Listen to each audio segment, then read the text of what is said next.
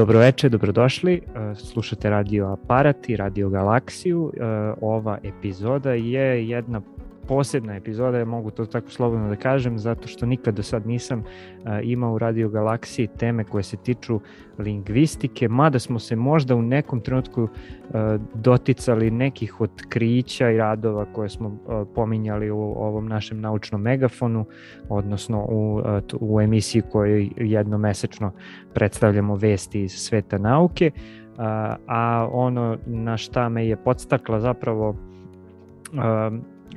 ono što me je podstaklo zapravo na ovu emisiju je e, ono što se poslednjih par meseci e, pojavilo ovde, a to je kakav je to južnjački jezik, da li južnjački jezik da li je ispravan ili nije ispravan, kako to su južnjaci zapravo nesposobni. Ovaj, to, to sad vrlo laički ovaj, e, predstavljam, pričat ćemo o tome detaljnije i zapravo me je na to inspirisalo uh, um, sve u vezi sa tim i to kako mi u stvari učimo jezik, šta je jezik, kako usvajamo jezik, uh, koje su to razlike između uh, različitih varijanti jednog te istog jezika, zašto to zovemo jednim istim jezikom, a neke jezike zovemo različitim jezicima i tako dalje.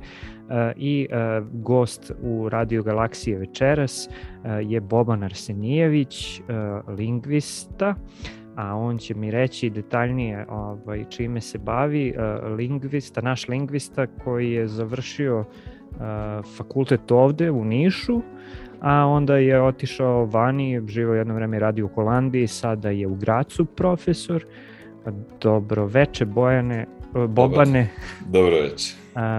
Hvala ti što si ovako snimao preko Zuma. Ovaj, to se čuje zapravo. Verovatno. Da. Reci mi čime se baviš detaljnije. Ja sam malo gledao ovaj, šta su ti radovi i tebi recimo ono što sam ja vidio na sajtu uh, na univerzitetu u Gracu ima mnogo različitih tema, znači od filozofije lingvistike do vrlo konkretnih nekih stvari koje su uh, specifične baš ono lingvistika kao nauka.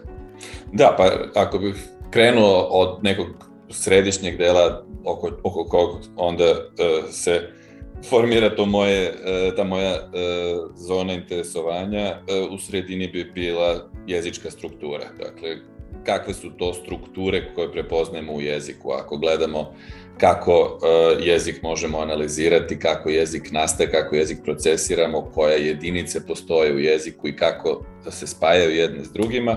Dakle, interesuje me pre svega jezička struktura, struktura rečenice, struktura reči a onda se oko toga raspoređuju razna druga interesovanja koja direktno iz toga proizlaze, počev od tog pitanja šta je uopšte jezik i šta je struktura u jeziku, kakva je priroda te strukture, odakle dolazi, zašto baš takva, ovaj, da li je jezik biološka pojava, da li je jezik socijalna pojava, kulturna pojava, psihološka pojava, kognitivna.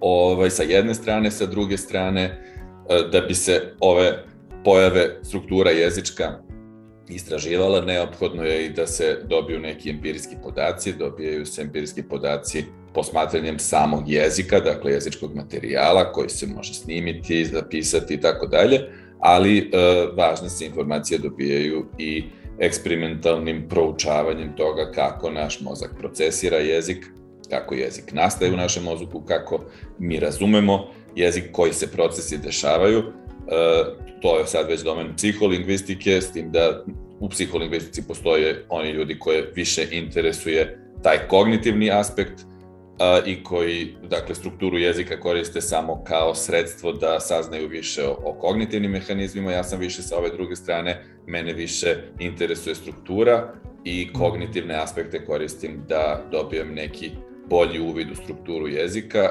interesuje me o samim tim i usvajanje jezika, dakle kako uh, je naš mozak preprogramiran da usvaja jezik, uh, šta to uključuje, da li je preprogramiran na specifičan način, dakle da li ima neke neku pripremu, da tako kažem, hardversku, koja ga čini upravo prilagođenim usvajanju jezika ili je to neka, neko opšte prilagođenje, dakle opšti e, kognitivni kapaciteti, opšti kapaciteti procesiranja koji onda su, se mogu prilagoditi i jeziku onda samim tim me interesuju i takozvani jezički nedostaci, dakle problemi, odnosno E, već kod samog prvog usvajanja kod dece, primeđuje se da kod neke dece usvajanje nekih aspekata jezika ide ili malo sporije ili ne ide, mhm. ali i kod odraslih ljudi postoje i stečeni i urođeni e, elementi e, koji usporavaju ili umanjuju naše kapacitete da baratamo nekim aspektima jezika i najzad interesuje me i pitanje evolucije jezika. Ovaj, kako je, šta je to uopšte evoluiralo kod čoveka da se u tom pogledu izdvoji od drugih životinja, da zašto bilo koju životinju možete smestiti u ljudsku porodicu, možete je aktivno podučavati jeziku i ona neće uh, naučiti jezik, mm -hmm. dok dete čovekovo dovoljno je da bude pasivno u prisustvu upotrebe jezika, bilo kog svetskog jezika, dete se može roditi, ne znam, ovde u Gracu, možete ga ismestiti u Mongoliju, u porodicu mongolsku i ono će u normalnom periodu usvojiti uh, jezik koji se tamo govori. Dakle, eto to. Šta je to evoluiralo u čoveku i kako je to evoluiralo? Postoje razne teorije, od tih nekih naglih teorija da je to neki skoko, neka skokovita promjena bila neka genetska mutacija koja je odjednom promenila nešto, do raznih gradualnih teorija koje obično e, podrazumevaju e, neku feedback vezu, neko, neko, neki uzajamni uticaj razvoja sa jedne strane kulture i količine znanja i sadržaja i procesiranja koje je čovek sebi ovaj pribavljao i čuvao u, u zajednici ovaj i samim tim izlagao svoje potomstvo tome sa jedne, a sa druge konstantno onda prilagođenje mozga tim većim i novim količinama informacije i, i kompleksnim načinima uh, procesiranja. Eto, to bi otprilike, ja mislim, zaokružilo moje oblasti interesovanja. Da, to je skoro sve što sam ja čuo o lingvistici, tako da... a, a, ajde da onda krenemo zapravo sa tim ono što si pomenuo na početku, znači zanimate struktura jezika. Uh, ja pretpostavljam, kao što je generalno uvek teško da se napravi neka op, opšta definicija bilo kog uh, tako širokog pojma kao što je jezik. Uh, znači u biologiji je to život, u ne znam fizici su to razne neke ono opšte fundamentalne stvari poput ne znam sila i tako dalje u lingvistici je teško napraviti, pretpostavljam, jednu koherentnu, sveobuhvatnu definiciju jezika, ali ajde da probamo i pre svega možda u kontekstu ovoga što ćemo pričati, a to je pre svega to u sva, proces usvajanja jezika, kako bi mogao jezik da se definiše tako da, ajde kažemo, posluži nama danas za ovu priču, da ta definicija posluži danas za ovu priču da bolje razumemo proces usvajanja jezika i evolucije. Možda. Da, e, e, dosta je teško definisati jezik upravo zbog toga što ima razne te neke svoje strane i kada se i, i onda se ljudi bave različitim stranama, pa ako pitate sociolingvistu šta je jezik, on će vam reći mm. jednu stvar, antropološkog lingvistu drugu stvar, psiholingvistu treću i tako dalje.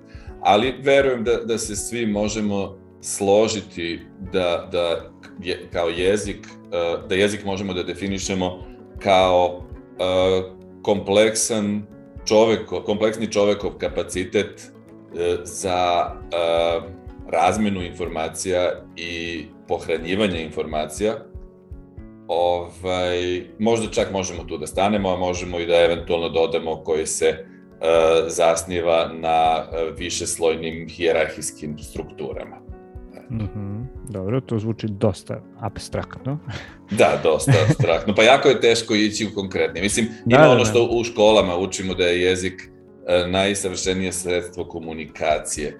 Mm -hmm. Ali prvo, tu, tu je nekoliko stvari upitno. Prvo, kada se kaže najsavršenije, e, tu post, treba da postoji neki reper u odnosu na šta najsavršenije i koje mhm. sredstva komunikacije poredimo i ko komunicira. Apsolutno je moguće zamisliti i moćnije kognitivne kapacitete, moć, moćnije umove, moćnije, ovaj, moćnija uh, bića, uh, kad je uh, mišljenje u pitanju, ili uopšte agence danas možemo da mislimo o, o moćnim kompjuterima koji takođe komuniciraju jedni s drugima, koji mm -hmm. provode komputacije, procesiranje koje je već složenije od onoga koje čovek provodi bar u nekim domenima. Da, i tu kažemo da u pitanju mašinski jezik. Znači, jest, je opet, jeste, da. opet, da. da, zato što to je naša metafora, mi znamo mm -hmm, naš jezik i onda naš jezik koristimo kao metaforu za neke druge stvari koje i jesu na neki način jezik i jeste neko komuniciranje u pitanju, i, I tu je opet donekle komuniciranje nas sa tim mašinama, jer mi njih programiramo, mi njih spremamo za sve to, ovaj, projektujemo i, i tako, ali, ali sad već postoje i, i mašine koje same uče i, i koje same razvijaju svoje modele e, mišljenja i komuniciranja, tako da pitanje u kojoj meri stoji da je najsavršeniji pitanje takođe u kojoj e, meri e, to sredstvo komuniciranja iscrpljuje jezik, jer jezik nije samo sredstvo komuniciranja, jezik je, na primjer, i sredstvo pohranjivanja informacija, čuvanja informacija. Jezik je u velikoj meri, mnogi psiholingvisti ističu da zapravo najveći udeo u našoj dnevnoj upotrebi jezika zauzima mišljenje putem mm -hmm. jezika. Dakle, jezik nam je i sredstvo linearnog, logičnog e, mišljenja i mnogi smatraju da zapravo e, e, taj e, razum, razumno mišljenje, racionalno mišljenje, logičko mišljenje, li, linearno logičko mišljenje e, i jezik nisu stvari koje se mogu razdvojiti, odnosno da e, ono što, ono malo pre što sam pričao o tome šta je evoluiralo kod čoveka, da bi ga učinilo sposobnim da razvija i uči jezik, je, sva je prilika, isto to je e, evoluiralo i omogućilo čoveku da racionalno misli linearno. Tako da ista stvar verovatno stoji i za, i za jezika i racionalnog mišljenja, čak recimo Noam Chomsky uh, Wolfgang Hinzen i još neki ljudi koji se bave jezikom, pa ja imam neke radove u tom smeru, uh, razmatraju mogućnost da zapravo uh, da su osnovne kognitivne operacije koje su koje koje stvaraju jezik zapravo da je da je neka vrsta njihovog nus proizvoda to logičko mišljenje. Opet ljudi koji se više bave logičkim mišljenjem smatraju da je jezik nus pojava nus pojava jednu o, tog mišljenja ali uh, jaka veza postoji. Mm -hmm. uh, ono što meni sad tu, e, na šta si me sad podstakao da se, da se setim je, uh, ne znam, u, u filozofiji se, uh, kad se govorilo o Wit, Wittgensteinu u, uh, ne znam, srednjoj školi, uh, sećam se da beše ima ona neka rečenica uh, da je, ne znam, granice sveta su zapravo granice jezika, tako nešto beše. Da, da, da, da. da. Odnosno, da, da, on, da nas jezik ograničava zapravo da e, percepiramo svet oko nas, odnosno da on, jezik određuje svet koji mi percepiramo. Da, da, da, da, da, da, da jezik postavlja granice sveta ne, koji percepiramo i da na neki način može da se kaže da nas ograničava, može i da se kaže e, da u stvari nam on omogućava da mislimo svet ovako kako ga mislimo, da ga bez njega uopšte ne bismo mislili na ovaj način, uh mhm, -huh, a uh mhm. -huh. ovom načinu mišljenja granice jezika uh, su, su, su granice. Ovaj, da, što se mnogo bavio jezikom, ovo je jedna od, drugi, od tih stvari, druga stvar je on je isto ovaj, jezik posmatrao kao igru, ovaj, nije uvek bio rad da u njoj učestvuje i tako je on imao razne faze i ovaj, vrlo brzo prerastao uh, svoje stavove, ali jezik je bio, da, jedno od centralnih uh, mesta kojima se bavio i, i, i on je jedan od tih ljudi koji su koji su upravo, da, e, jezik dobrim delom poistovećivali sa tim našim e, razumom. Ma naravno, to su, ovaj, to su teorije koje pot, ne znam, on je živeo u uh, krajem 19. početkom, ajde, prva polovina 20. veka. Uh, međutim, ono što ti danas kada govoriš o lingvistici i o jeziku, E, to su u suštini vrlo savremene teorije koje se, pa, pa pomenuo si malo pre, zasnivaju i na empiriji i na eksperimentima i tako dalje. Ne znam koliko je zapravo bilo ovaj, toga Naravno, daleko od toga, vreme, daleko. Da, da, On je da. u stvari bio čovek koji je mislio daleko ispred svog vremena u tom smislu i u mnogim drugim smislovima, E, sa druge strane, njegovo mišljenje o jeziku je više bilo informisano uh, filozofijom jezika i uh, matematičkom, odnosno fi, filozofskom i matematičkom logikom. Mm -hmm. Dakle, ne znam, ljudima iz, poput Kleina i Russella i tako, koji su već u to vreme na jedan i danas prilično savremen način mislili o jeziku. Ne znam, kada se danas priča recimo o članovima, o određenom i neodređenom članu, Uh, mnoge stvari se svode na, na, na ono što je rekao još Russell početkom 20. veka, a to je nešto sa čime je Wittgenstein bio u intenzivnom kontaktu, zato kažem. Mm -hmm. Uh, I ok, ajde, ja sam te tu sad bacio na početak 20. veka sa nekom idejom da možda krenemo da pričamo o tome kako je lingvistika ova danas, uh, savremena, ajde to tako nazovemo, uh, nastala i kako su se razvijale sve te teorije o jeziku i ujedno, ajde, u stvari nećemo o usvajanju jezika, to ćemo malo kasnije, ali, ali generalno teorije o tome šta je jezik, um, kako, kako zapravo šta je jezik kao fenomen i u onom kontekstu koji se na početku pomenuo, koji nas razdvaja od drugih životinja kao ljudska bića, misleća bića, homo sapiens. Da, ovaj, zapravo, eto, od, od početka 20, 20. veka može se reći da, da teče razvoj današnje lingvistike. Mislim, koreni su postavljeni jako davno, 300 godina pre nove ere, grčki, mm -hmm. razni grčki filozofi, Dionizije Trački, pišu vrlo ozbiljne neke stvari o jeziku. Aristotel se vrlo ozbiljno bavi, na primjer, glagolskim aspektom i tako dalje. Panini u Indiji piše gramatike koje su u principu moderne, naročito na morfološkom nivou i tako. Dakle, jako dugu istoriju ima jezik, ima proučavanje jezika, ali zaista to zasnivanje naučno kreće negde početkom 20. veka i već od tog početka 20. veka se lagano izdvajaju dve linije razvoja lingvistike. Jedan ran, jedna linija razvoja je ona koja uh, lingvistiku gleda kroz uh, okular matematike, da tako kažem, i matematičke logike, odnosno koja i u jeziku vidi neku vrstu uh, logički zasnovanog kapaciteta i neku vrlo sličnu pojavu matematici u smislu da kao što kod matematike ne znamo kakva je priroda matematike, gde postoji matematika, ona nije u svetu, ona nije u materijalnom, Mm -hmm. a, ali malo je možda prejako i reći da je ona samo osobina našeg kognitivnog sistema, osobina našeg načina mišljenja, jer uh, onda, onda je teško objasniti stepen u kome se prirodne pojave uh, podvrgavaju matematičkim zakonima. E, slično je i sa jezikom, jer i on pokazuje jedan izuzetan nivo logičnosti, jedan izuzetan nivo sistematičnosti, jedan izuzetan nivo diskretnosti, što inače nije karakteristika, na primjer, biološkog sveta ili ovaj, i na kraju kraja e, psihologija se bavi pojavama koje nisu tog tipa, koje su znate, postoje one stvari u, u, u univerzumu koje opisujemo uh, jednostavnim formulama, mm -hmm. kategoričkim formulama, i postoje stvari koje opisujemo statističkim tendencijama. I zanimljivo je da jezik se jako, jako lepo i u mnogim pojavama uh, ponaša u tom kategoričkom smislu. Tako je i tačka. Glagol se mora složiti sa subjektom u licu, rodu i broju i pokazivati njegove vrednosti lica, roda i broja i tačka. Nema tu sad u 93% I to važi za svaki slučajeva. jezik. Da. I to, da, neki jezici nemaju tu vrstu slaganja, imaju neku vrstu, ali dakle, mm. tamo gde, gde se pokazuju te osobine, rod, broj, ne znam, tamo će slaganje biti dosledno i gotovo. Tako da ta kategorička priroda jezika uh, sa jedne strane je dakle motivisala mnoge naučnike da se jezikom bave u matematičkom uh, u matematičkoj perspektivi, da dakle s obzirom da je i sam jezik jezik i da u matematici nalazimo sisteme koje zovemo formalnim jezicima, e, da se posmatra jezik kao jedna vrsta, odnosno da se gradi model, formalni jezik, matematički, koji bi modelovao e, naš jezik. I mm u tom smeru se, su se razvijale pre svega semantika, takozvana formalna semantika, e, koja je počela da se razvija u okviru filozofije, a onda je se izdvojila kao disciplina lingvistike, Semantika ali, je zapravo disciplina koja se bavi značenjem. Tako je, izvinjavam se, treba da kažem. Da, dakle, koja se bavi značenjem u jeziku a od početka 20. veka u tom smeru idu i generativna gramatika, odnosno različiti, različiti usmerenja u okviru generativne gramatike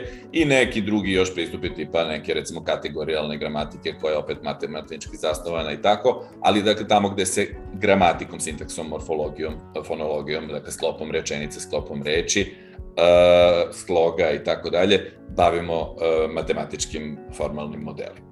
Sa mhm. druge strane, iz istog tog uh, početka Desosira i, i, i drugih strukturalista sa, na početku 20. veka, razvija se drugi pristup jeziku koji se e, nekad je bio nazivan funkcionalističkim, e, u, u novije vreme se više naziva kognitivnom lingvistikom, e, što ne treba mešati sa interesovanjem za kogniciju i jezik, jer se i formalni modeli interesuju za kogniciju i jezik, a ovo je više metodološki metodološko usmerenje koje se naziva kognitivnom lingvistikom i koje se više bavi pitanjem šta smo želeli kojim e, aspektom jezika da postignemo, šta je funkcija kog aspekta jezika i koji pokušava dakle da e, tim funkcijama jezika objasni njegovu strukturu. Mm -hmm. Dok formalni pristupi zapravo pokušavaju da formalnim osobinama jezika objasne strukturu, dakle da pokažu koje su, uh, koje su formalna rešenja jednostavnija uh, za, za ono čime jezik barata, za kombinovanje reči, za kombinovanje glasova i tako dalje, koja su ekonomične, koja su formalno nemoguća, koja su determinističkija i tako dalje i da dakle tim osobinama formalno matematičkim objasne neke osobine jezika. Mm -hmm, mm.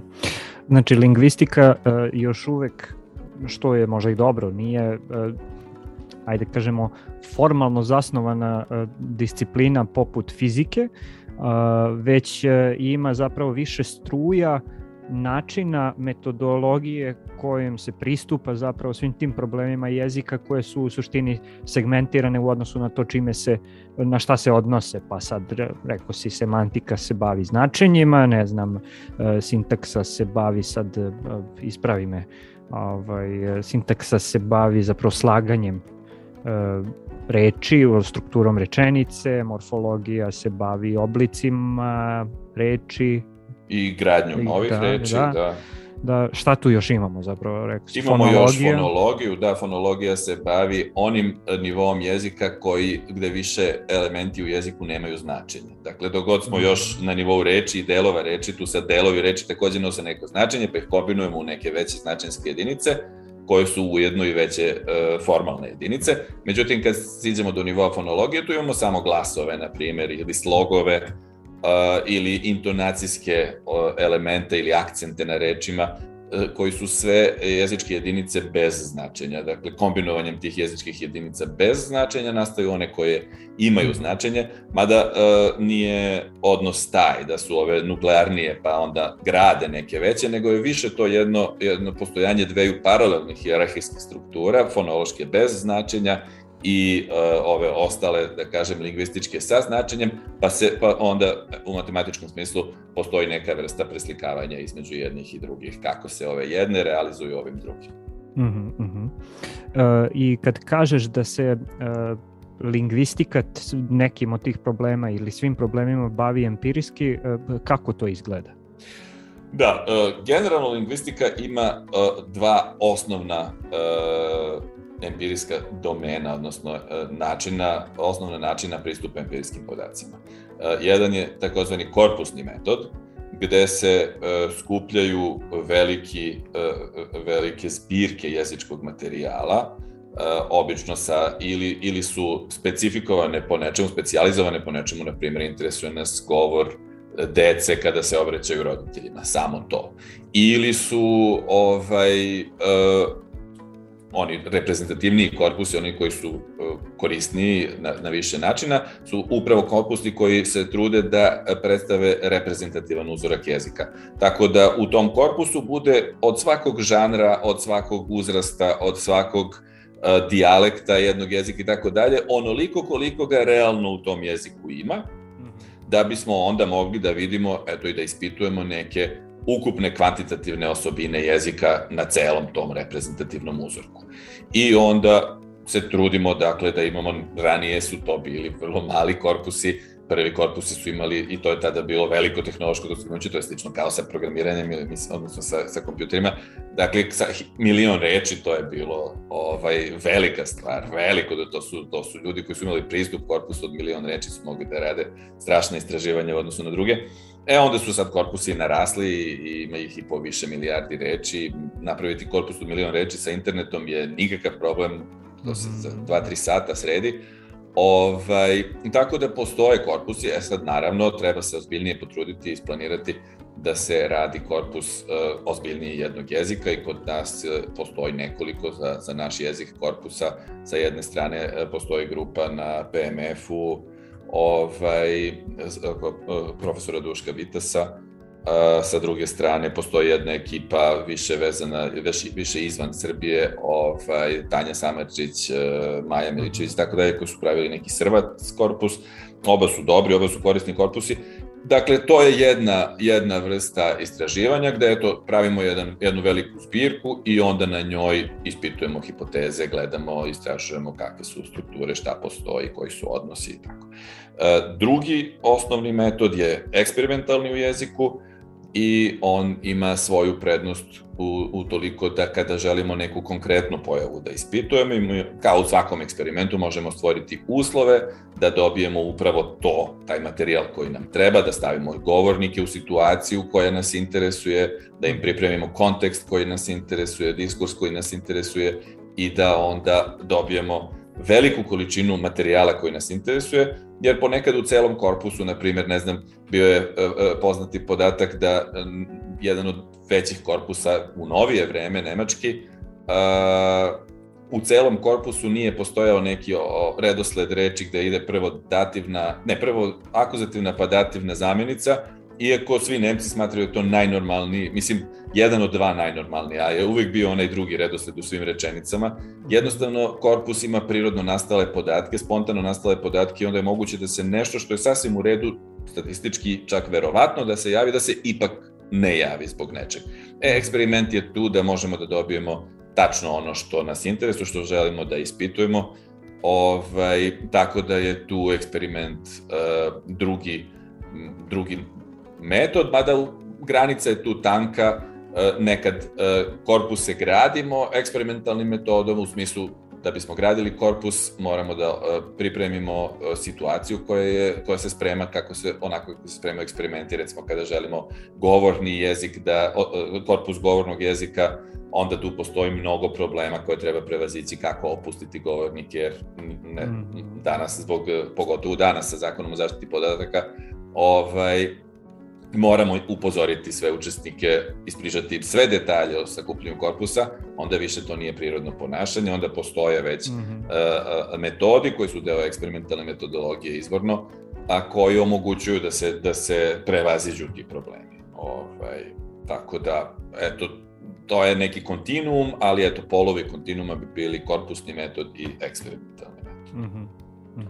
I ajde pre nego što napravimo pauzu da, da možda pomenemo ono što, što si na početku pomenuo, a to je da uh, jezik je kod čoveka nešto što čoveka odvaja od uh, ostalih životinja i tu su rađena razna istraživanja koja nisu možda ovog tipa koji si sad pomenuo za ispitivanje same strukture jezika i jezika kao pojave na, u, u tom smislu. Uh, ja sam recimo, ne znam, video i to su mi bila ne, možda najzanimljivija uh, ovako istraživanja, ako pričamo kao iz, iz humanističkih, društveno-humanističkih disciplina, to su ona istraživanja gde su e, zapravo ona divlja deca, odnosno uh, to se na engleskom zove feral, feral children, ja mislim. Da, uh, deca ko, vukovi kod nas. Da, da, da, koji su odrasla, ne znam, sa uh, životinjama ili potpuno van uh, zapravo ljudske civilizacije, a onda su na neki način uh, pokušavali da ih uh, uključe u društvo i onda su gledali i istraživali kako sad ta deca usvajaju jezik. Uh, ta su mi istraživanja potpuno onako ba, baš zanimljiva uh, i ajde možda da krenemo od toga ili recimo priče o tome pošto je i znakovni jezik neka vrsta jezika, jel da? O, bilo je istraživanja koje su, ne neka vrsta, nego je legitimni jezik, Istraži, e, postojalo su istraživanja gde su ljudi pokušali šimpanze da nauče znakovnim jezikom, što je na neki način slična, slična stvar, zapravo ispitivanje toga gde je ta granica uh, razdvajanja čoveka uh, i tu već ulazimo zapravo i u priču o usvajanju jezika. Da, to su jako zanimljive stvari što se tiče dece Vukova, tu ima uh, tih nekih istorijskih podataka koji su svi prilično nepoznani o nekoliko dece koja su nestala u šumi pa su nađene i tako dalje. Uh, ali nažalost postoje podaci o tome, uh, o, o, o deci Vukovima, jer upravo u novije vreme je bilo više tih slučajeva gde su obično religiozni fanatici na primjer, decu zaključavali u podrume, vezivali lancima i ta deca nisu imala pristup ni nikakvom jeziku mm. ili nekom rudimentarnom kad neko uđe i, i, i vič, vikne im. Uh, I po tome se, na primjer, zna nešto o uh, razvoju kognicije uh, kod ljudi u odsustvu izlaganja jeziku. Doduše, u ovim slučajevima, nažalost, i u odsustvu izlaganja mnogim drugim uh, aspektima uh, društvenog života. E, takođe postoje slučajevi u zemljama ili krajevima e, gde nije bilo e, obrazovanja na znakovnom mhm. jeziku ili bilo kakvog obrazovanja prilagođenog e, gluvoj deci i mhm. slabo čujućoj, da e, deca, dakle, sa oštećenim sluhom odrastaju opet, ali tada zaista bez izlaganja jeziku ili sa minimalnim izlaganjem nekog čitanja usena koliko su, sama spontano razvila, ali zaista ispod praga nekog uh, neophodnog i gde se moglo videti šta to znači uh, usvajati, odrastati, na primjer, konkretno kod te dece koje su odrastala inače u normalnim okolnostima i voljena i sve, dakle, bez emotivnih uh, trauma, može se videti kakve su posledice i posledice su specifične u tom smislu da se kada se ne razvije jezik primećuju i dakle, primećuje se potpuno odsustvo i nekih drugih kapaciteta. Recimo, za svu tu decu koja nisu imala dovoljno izlaganje jeziku u, u ranom detinstvu, važi e, da nisu u stanju ni da usvoje aritmetiku, recimo nisu u stanju da usvoje nikakve operacije aritmetičke, osim eventualno sabiranja 2 i 2 ili 3 i 3, nešto što, što zaista i životinje su u stanju da, e, da tim, na tom nivou barataju. E, dakle, postoji veza između, postoje slične specifične veze recimo kod uh, ljudi koji dožive izliv krvi na, na mozak, ovaj, mm -hmm. dakle, koje dobiju neku, ostanu sa nekom vrstom uh, afazije, uh, kada je to afazija vezana za jezik, takozvana gramatička afazija, pre svega, dakle, da imaju problem sa gramatikom, uh, ti ljudi uh, obično gube na primjer, sposobnost, uh, postaju, to, to, to ide i sa amuzijom, odnosno nisu u stanju da prepoznaju muziku i da produkuju muziku, odnosno često se javi uh, nemogućnost vezivanja čvorova, što je vrlo zanimljivo, mm. nisu u mogućnosti da vežu pertle sami sebi, uh, što je opet iz nekog ugla teorije jezika i predviđeno u smislu da se kao jedan od osnovnih, osnovnih kognitivnih kapaciteta potrebnih za jezik prepoznaje uh, sposobnost rekurzivnog uh, mišljenja, rekurzivnih kognitivnih operacija, dakle operacija gde se jedna operacija ugnježđuje u sebi samoj, odnosno mm -hmm. i više struko neograničen, potencijalno neograničen broj puta, jedna operacija poziva samu sebe u stvari. Mhm. Ovaj, zanimljiva je definicija rekurzije u, u nekakvom rečniku poluozbiljnom, gde pod rekurzija piše vidi rekurzija. Da, da ovaj, da, da. I, e sad, dakle, taj, taj, taj isti rekurzivni kapacitet je neophodan za vezivanje čvorova. I, ovaj, I onda se prepoznaje odsustvo jednog i drugog, na primjer, i tako. Dakle, postoje te vezane e, kognitivne operacije koje se očigledno zasnivaju na nekim zajedničkim, bazičnim e, elementima. U tom smislu, dakle, da, postoji, postoje neka saznanja šta se dešava kada ljudi bilo nisu izloženi jeziku, bilo kada su mehaničkom povredom uh, ostavljeni bez nekih da, jezičkih da, da. kapaciteta, ovaj, da to onda ima posledice i za mnoge druge stvari.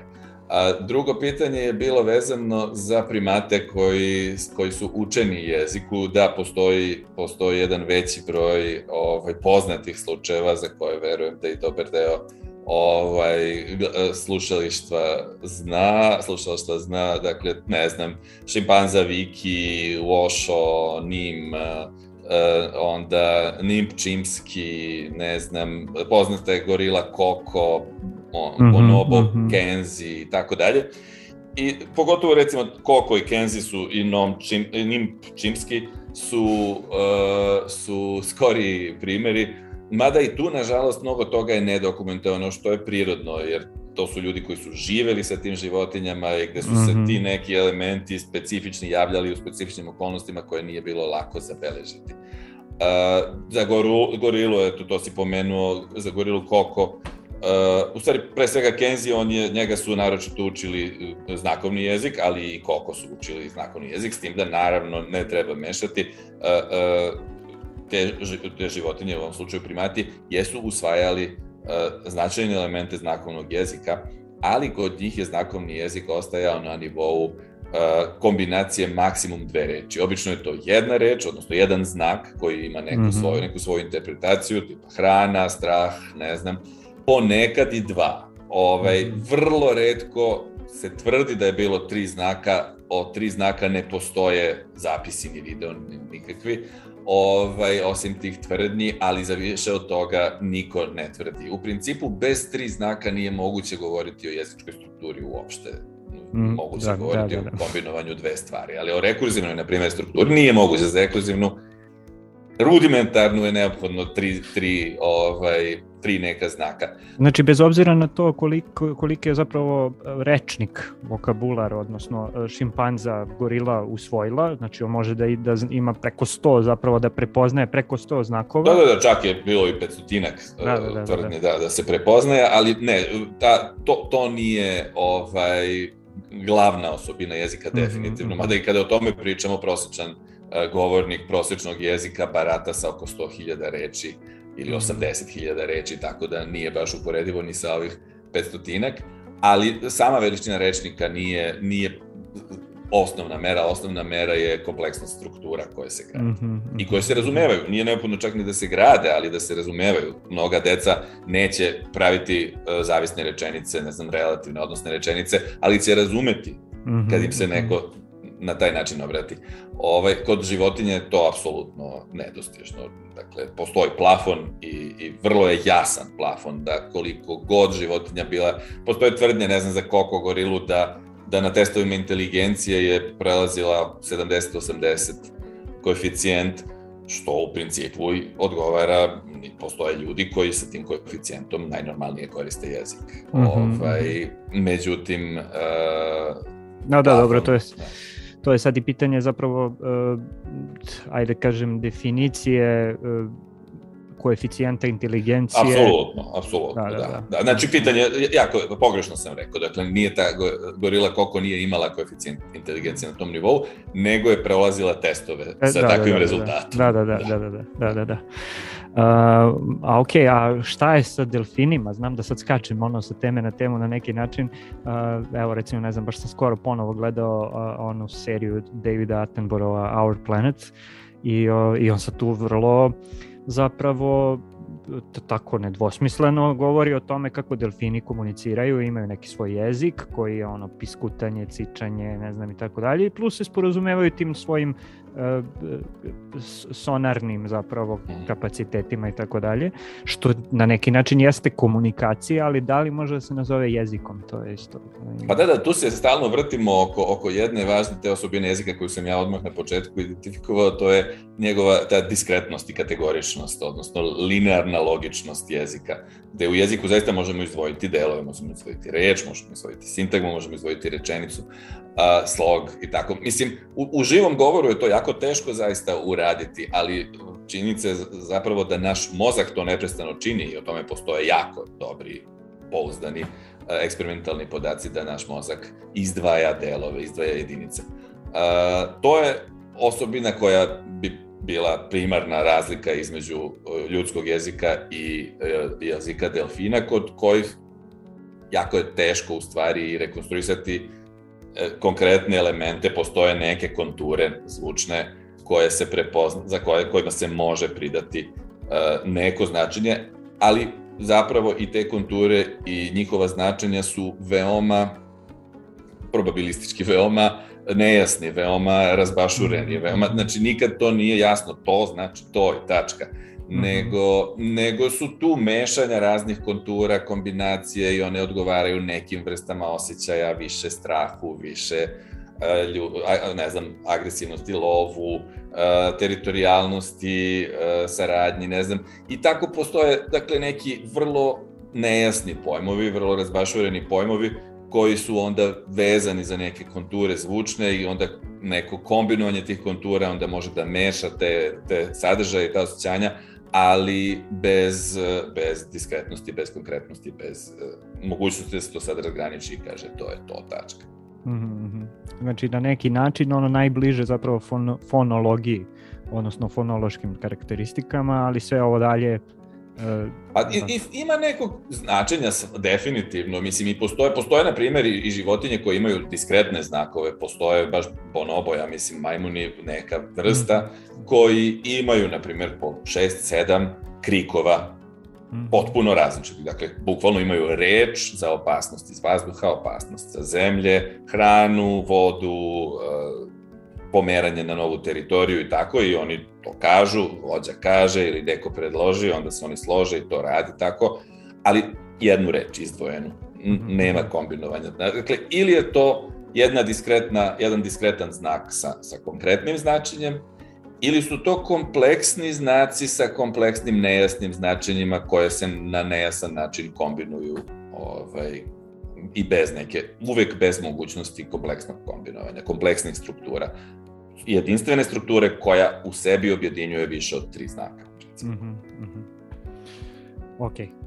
Ajde, pravimo sad ovde jednu pauzu, e, slušamo jednu kratku muzik, muzičku numeru, pa ćemo da se vratimo da uh, nastavimo priču, odnosno da sad malo više pričamo o onome što nam je glavna tema, skoro sat vremena pričamo o, o ovom Uvod. uvodu.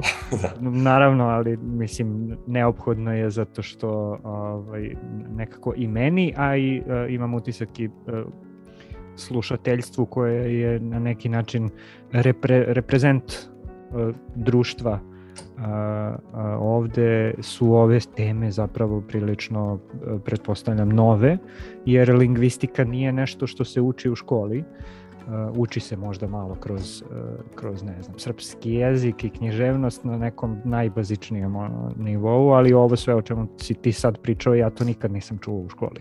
Nažalost, da. da, da. E, ništa, slušamo jednu malu, uh, kratku muzičku numeru, pa se vraćamo da pričamo o usvajanju jezika. Und eure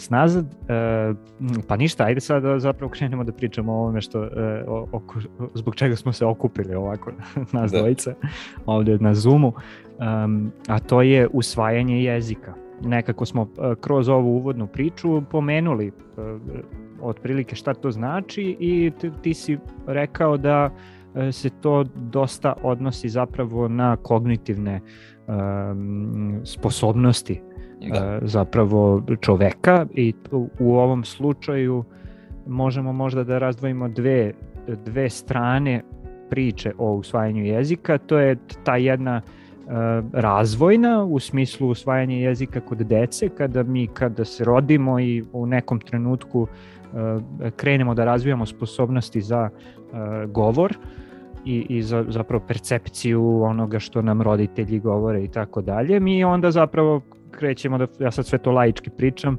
onako kako mali perica zamišlja usvajanje jezika.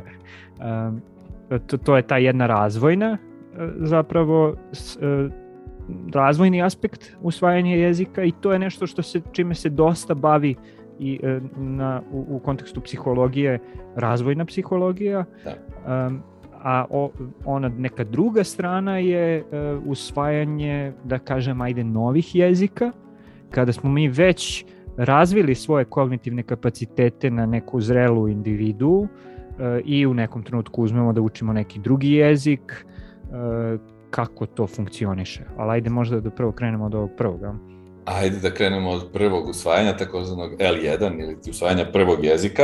Ovaj, Da, zapravo usvajanje jezika kreće mnogo ranije. Postoje uh, vrlo jaki dokazi, neoborivi dokazi, sve, sve više raste broj dokaza, da deca već negde u prvom, drugom mesecu prenatalnog razvoja uh, pokazuju jedan solidan nivo jezičkog znanja. Naravno, u tom periodu deca ne usvajaju značenje u jeziku, jer nisu, nemaju, nisu izložena nikakvim sadržajima, ne stiču znanja, ne stiču uh, nove sadržaje, ovaj, ne, nemaju perceptivni ulaz i uh, onda je to, odnosno imaju, ali je sveden. Međutim, dete uh, u prenatalnom periodu prerođenja, dakle, uh, rast, u, u, već je izloženo uh, nekim perceptivnim uh, informacijama, to su pre svega auditivne -hmm. informacije koje dobija sluhom.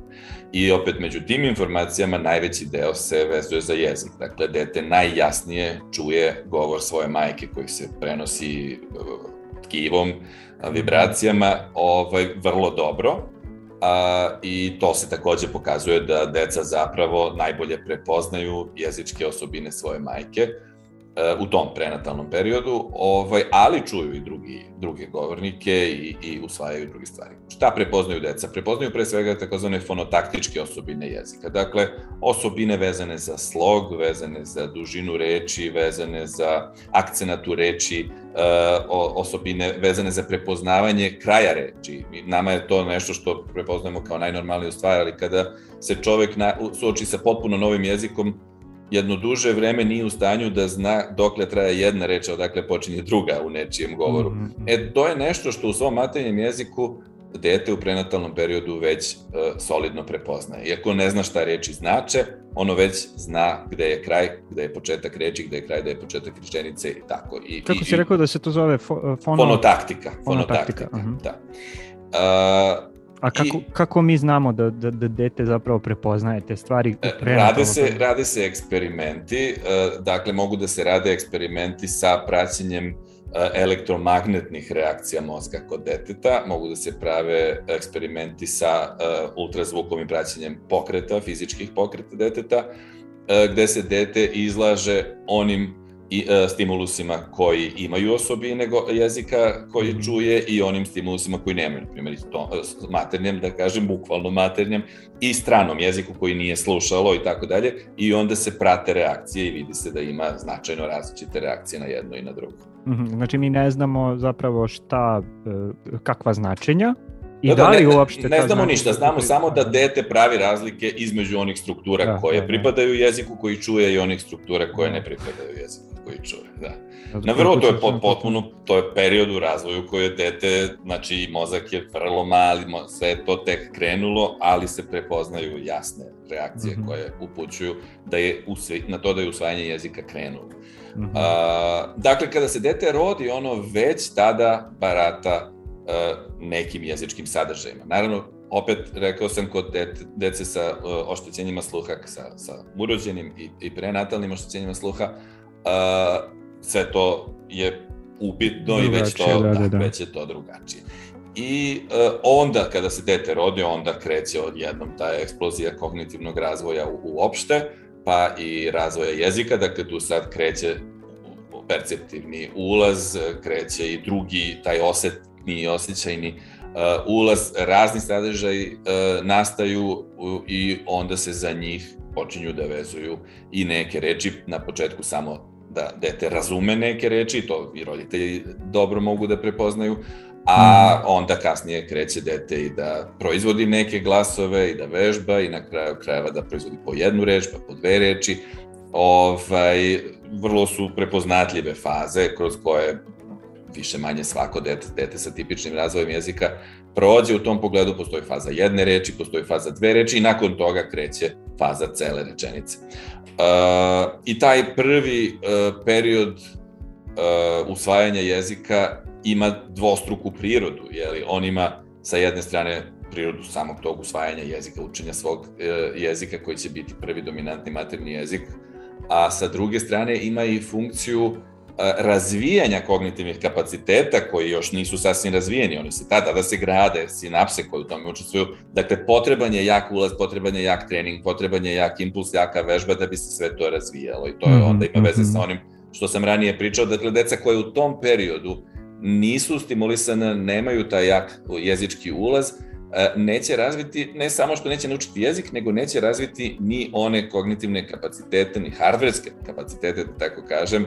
nervne, e, za baratanje mnogim procesiranjima, mnogim komputacijama, mnogim kognitivnim e, aktivnostima koje koje su rekurzivne logike yes, yes, da, i koje onda učestvuju u mnogim drugim stvarima, uh -huh, koje su im mhm. potrebne za mnoge druge stvari.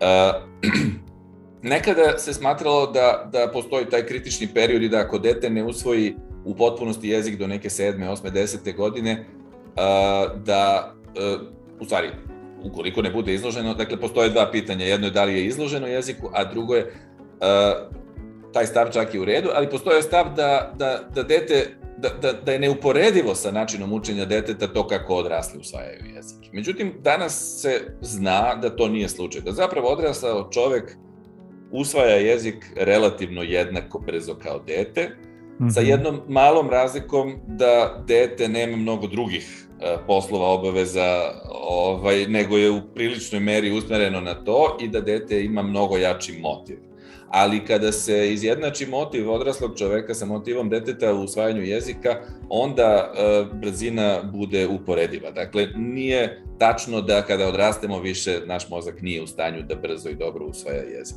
Što znači, jest. da, to je, to je ovo što se pomenuo, znači to je ona hipoteza kritičnog perioda da do te sedme, osme dete koje već godine, uh, ako se do tad ne usvoji jezik, kasnije je nemoguće ili mnogo te, teže usvojiti Pa to, to sam hteo da razdvojim, da. da. to je jedan deo je taj, da ako se mhm. uopšte ne usvoji jezik u tom periodu, -hmm. kasnije se neće usvojiti, to i dan danas uh, uh, svi dokazi su u tom smeru.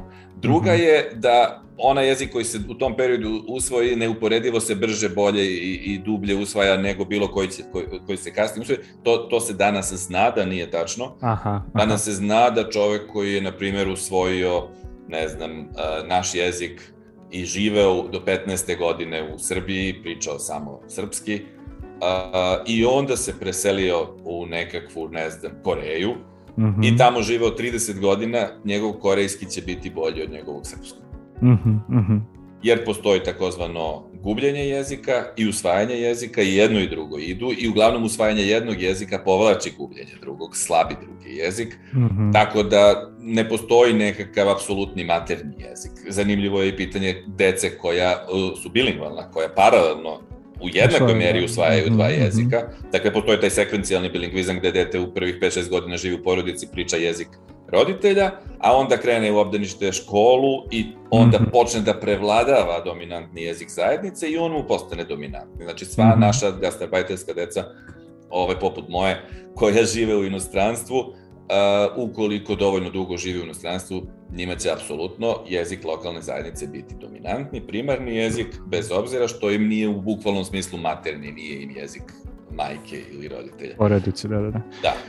Ali postoji deca koja paralelno usvajaju ovaj dva -hmm. jezika u tom prvom periodu i postoje, dakle mali je broj, ali postoje ljudi, odrasli ljudi kojima je nemoguće utvrditi dominantni jezik ili jako teško. Postoje sad mnogi parametri kako se, kojim jezikom se obraćaju kućnom ljubimcu, to je jedan od glavnih parametara, zato što tu nema nikakvu predstavu o tome na kom jeziku će mu neko razumeti ili odgovoriti, uh -huh, uh -huh. Ovaj, ili bebi kada se rodi, ili tako, to su neki parametri koji kao bi trebalo da pokažu koji je čoveku dominantni, ali ima na čak i ljudi jeziku koji mesečari, da. Jeste, ali ima ljudi koji su i tu, koji tu, ma da, da, ima, to su zanimljivo, mislim, lingvistika se, sva, sva, skoro sam na nekoj konferenciji slušao istraživanje koje se bavi jezikom ljudi posljednjih reč, re, reči i rečenica ljudi pred smrt. Mislim, svakakvim da. se stvarima ove, ljudi bave, jer različite situacije zaista uh, umeju da, da uh, dovedu i do specifičnih strukturnih osobina u mm -hmm, jeziku. Mm -hmm. Tako da da, mesečarenje koje se pričanje u snu, apsolutno postoji, to, postoji to, da, solidan da. broj istraživanja o pričanju u snu. Ili kad je pijan čovek ili tako. Da, da, da, da. da. Uh, dobro, znači uh, usvajanje jezika, odnosno drugog jezika, kada smo odrasli, zapravo funkcioniše sporije, ajde, banalizujem sad, samo zbog toga što kada smo odrasli imamo podeljenu pažnju, odnosno moramo da se bavimo mnogim drugim stvarima i zapravo manje vremena posvećujemo učenju, usvajanju jezika. Tako, i motivacija je malo slabija i na kraju krajeva, mislim, zbog to je podeljena, ne samo podeljena pažnja, nego je podeljeno vreme. Mm -hmm. Dakle, količina uh, jezičkog materijala koji čujemo ili pročitamo ili bilo koji način primimo kao deca i kao odrasli nije, nije uporediv. Deca su stalno u blizini odraslih i kada im se ne obraćaju, odrasli deca su vrlo aktivni slušaoci onoga što čuju oko sebe. Odrasli samo kad su zaista zainteresovani. Mm -hmm. Znaš šta mi je sad zanimljivo, ja, ja stalno pominjem, ali sad to koristim kao ilustraciju za učenje bilo čega zapravo, a, jednu anegdotu koju je a, jedan jazz, jazz funk basista ispričao kako je on zapravo učio da svira bas. Viktor Wooten se zove, ne znam da li si. Znači on na nekoj radionici priča kako je on zapravo naučio da svira bas sa pet godina i, ili sa tri, na primjer, ili tako nešto, nešto baš rano, što je kao vrlo wow i neobično u društvu da neko tako mm. ma, mali krene da svira bas ili bilo koji instrument. Međutim, on je, on je tu rekao šta smo mi radili, ja sam imao stariju braću koje su mene stalno tu nekako uključivala u to sviranje da, da, da. i nikad me niko nije um, isključivao u smislu da kaže, e, idi sad ti nauči, ovaj, da mhm. sviraš pa dođi da sviramo mm -hmm. i onda pravi analogiju sa učenjem jezika gde kaže ti kad si mala beba, mhm. ne, ne, on, roditelji ti ne kažu e idi nauči da pričaš pa dođi da razgovaramo, da. nego zapravo razgovaraju sa tobom iako ti ono, uopšte ne možeš da tako je, da. ništa i tako dalje I, i sad tu on napravi onako malu zajebanciju pa kaže um, čak ako si kao dete, mala beba, dovoljno uporan, pa govoriš pogrešno neku reč, onda roditelji nauče tako kako A, to je tačno, jest, jest. Pa jeste, da, da, to da roditelji nauče, mislim, to je normalna stvar. Uh, uh, jedna od važnih uh, sfera interesovanja lingvistike je i to kako čovek kako se čovek ponaša u komunikaciji, odnosno kako pristupa, ne znam, jako davno je uh, američki filozof Grice dao te neke svoje grajsove maksime o tome kako je čovek kooperativan u komunikaciji. Čovek je nesvesno kooperativan, čovek je instinktivno kooperativan u komunikaciji i uvek pokušava da priča na način slušalca, na način mm -hmm. sagovornika, jer želi da bude shvaćen, želi da ga onaj razume, ali želi da deluje kao neko ko sarađuje, ko je ok, ko ima dobru volju. Mm. I tu mi nesvesno, nije to sad samo ni prema deci, vrlo često i kada pričamo sa odraslim sagovornicima koji, na primjer, pričaju malo drugačijim dijalektom, koji pričaju ili, ne znam, nešto zovu drugačije nego mi, mi ćemo koristiti njegov izraz. Ne znam, ono ima mm. čuveno per, per, peratonica, uh, pernica, futrola, pernica da, i tako, da, da. i ne znam, tu, na primjer, kad se s nekim nespadam, on kaže, daj mi pernicu, gde mi je pernica, šta si našao, ja ću mu reći pernica, iako ja kažem futrola, ali ako ja znam da, ako, sam, ako nisam siguran da, da će on razumeti futrola, zašto bih rekao futrola, ja želim da se razumemo, mislim. To je, da, to je sad što se tiče rečnika, ali recimo, evo, ja sam, ne znam, možda, ne, možda nemaju svi ljudi na taj način zapravo odnos prema jeziku i razgovoru. Uh, ja vrlo često nekako, ja sam iz Kuršumlije, inače. I ovaj, kad pričam sa, sa mojim kuršumličanima i sa roditeljima, ja pričam potpuno drugim dijalektu nego što evo sad. Znači sad se obraćam ono, radio slušalcima da. i čak se ni ne trudim da pričam standardnim nekim jezikom, to nekako samo dođe. Pa da. Ovaj, ali ne znam. Čak i da se trudiš da ne pričaš standardnim, teško bi ti bilo. E, ali eto, da. sad, na, sad na primer ti ako kreneš da pričaš ovaj, niški i ja ću da krenem da... da, da, ovaj, da. Ovaj, ako, ako se zapričamo... da, da, da, da, pa da, ma da, mislim, ja kod mene, evo, ja, ja isto imam taj osjećaj kao, ok, sad sam u javnoj sferi, sad ide standard, kad sam bio mlađi, onda je bio čisti standard, e sad već više onako, ima neke granice, neke reći neću reći. Standardno da, da, da. tačka. Da, da, da. Da, dobro, malo smo sad ovaj, i odlutali, a aj se vratimo. Ajde. E, znači, kad pričamo o usvajanju jezika, um, um, zašto sam zapravo ja tebe ovaj nismo mnogo ni odlutali zašto sam te ovaj zvao? To je bio, bio povod je bio zapravo o, a, onaj događaj ne znam filološki fakultet. Ja sad možeš ti da objasniš ja sam malo i zaboravio pa da da filološka gimnazija je imala taj svoj projekat da. E, digitalne, digitalni bukvar pa je u okviru projekta imala jedan veliki broj onih kako ih oni zovu reklama, ja bih pre nazvao banner ili, znam, poster. Mm -hmm. o, jedan od njih je imao onu čuvenu rečenicu da li imate problema sa padežima kao ljudi sa juga Srbije koja e, je da. naljutila ljude sa juga Srbije. Naravno, sad da, da ne pričamo, nije u stvari ideja da, da, da ne znam, diskreditujemo Filološku gimnaziju, naravno. ali to je, to je zanimljiv zapravo problem vezan za usvajanje jezika. Uh, I za jezik kao šta je jezik u stvari, znači šta su dijalekti i meni je tu mnogo zanimljivo, ne znam da li si video, ovaj, e, čak e, u Hrvatskoj recimo ima ona fenomenalna reklama za Ožujsko, e, evo mogu stvari da je pustim sad pa, pa, ćemo, pa ćemo da se vratimo.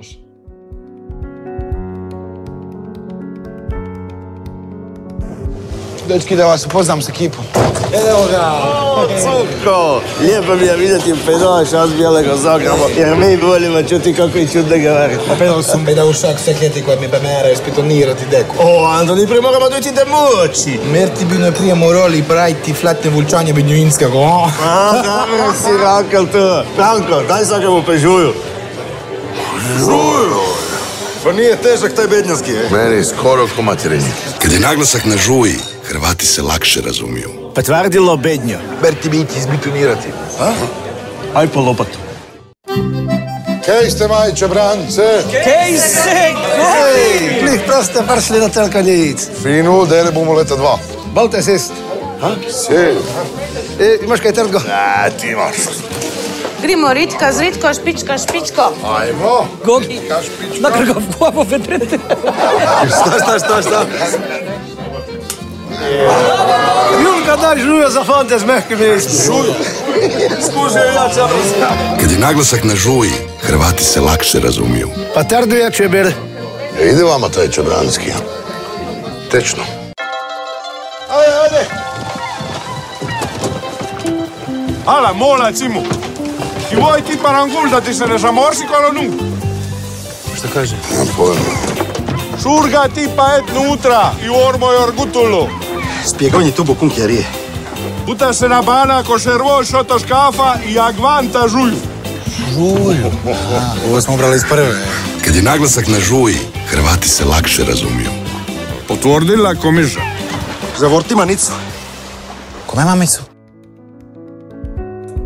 E, ok, evo, znači ovde zapravo imamo tri dijalekta različita Hrvatska, gde trojica prijatelja, sva su iz tri različita dela Hrvatske, jedan je gore na granici sa Slovenijom, drugi je, ne znam odakle beše, Komiža, ne, to, to je Komiža gore, gore sa Slovenijom, tre, treći je sa Ostrava dole iz Almacije, i oni međusobno sebe ne razumeju kad pričaju na, na dijalektima, osim naravno to je sad fora, kada ovaj kaže žuja.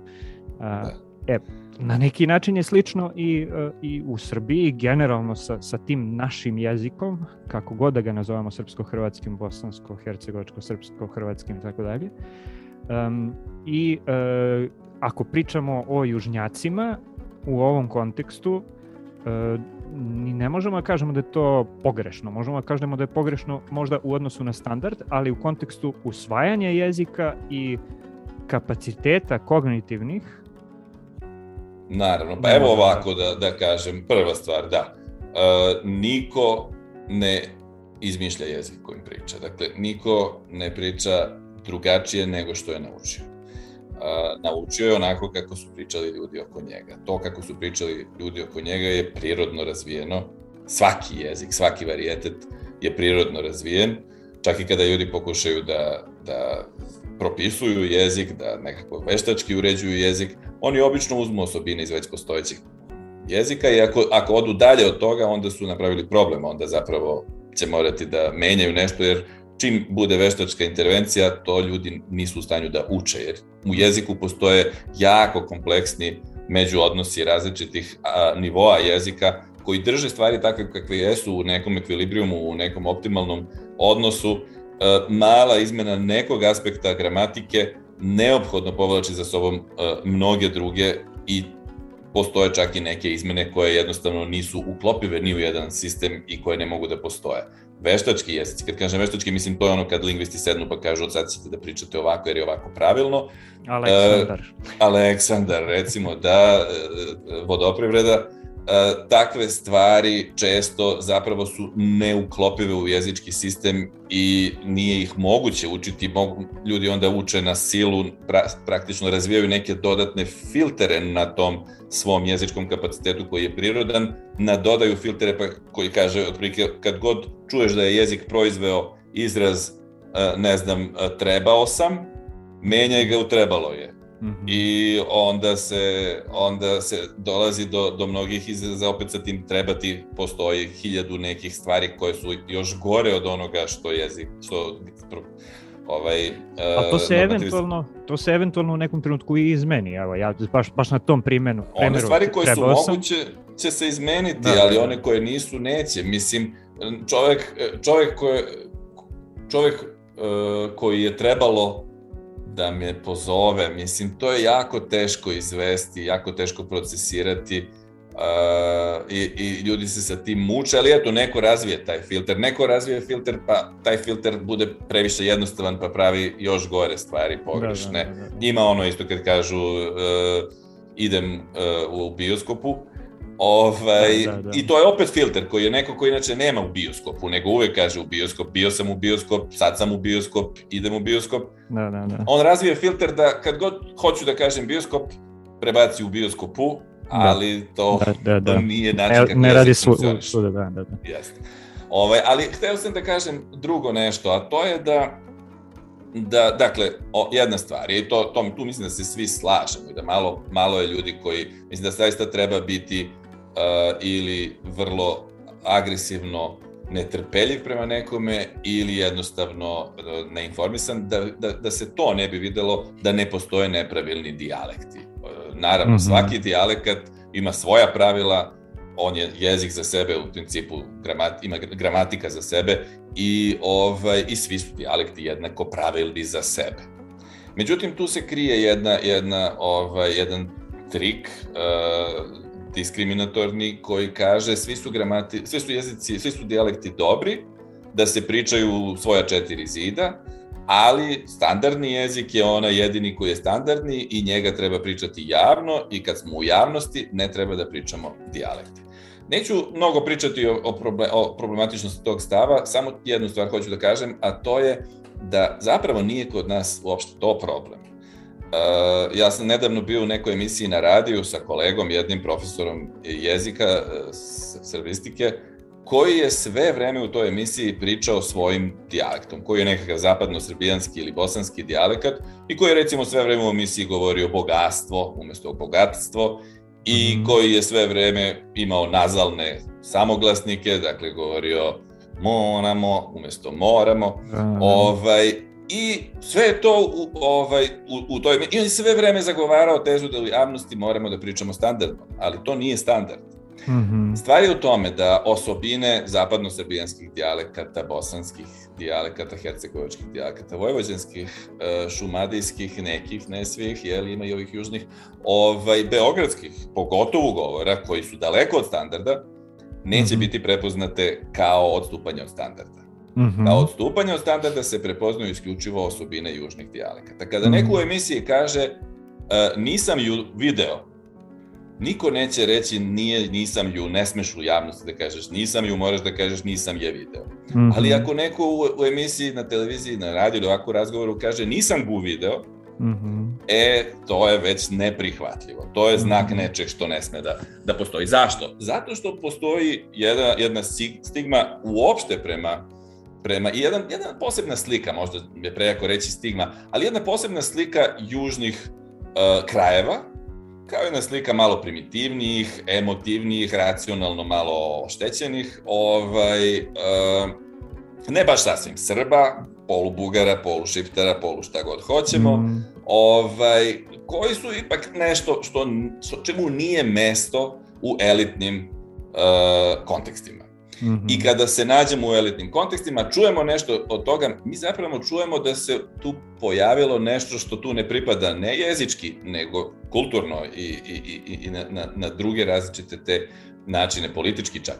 Mm -hmm. ovaj, I to je, to je problem sa, mm -hmm. sa stigmatizacijom uh, južnih govora. A pritom, uh, niko neće reći gu zaista u javnom prostoru. Svako sa juga zna da ne treba da kaže gu, svako će reći je. Ali ono što nije moguće uh, tako lako menjati. Su upravo oni aspekti jezika koje smo malo prepomenuli kao prvo usvojene, tip, ti fonotaktički aspekti jezika, oni koji još u prenatalnom periodu usvajamo, pre mhm. svega, dakle, intonacija i, uh, i uh, akcenat reči, je nešto što se najteže menja i najteže uh, preusvaja ili prilagođava.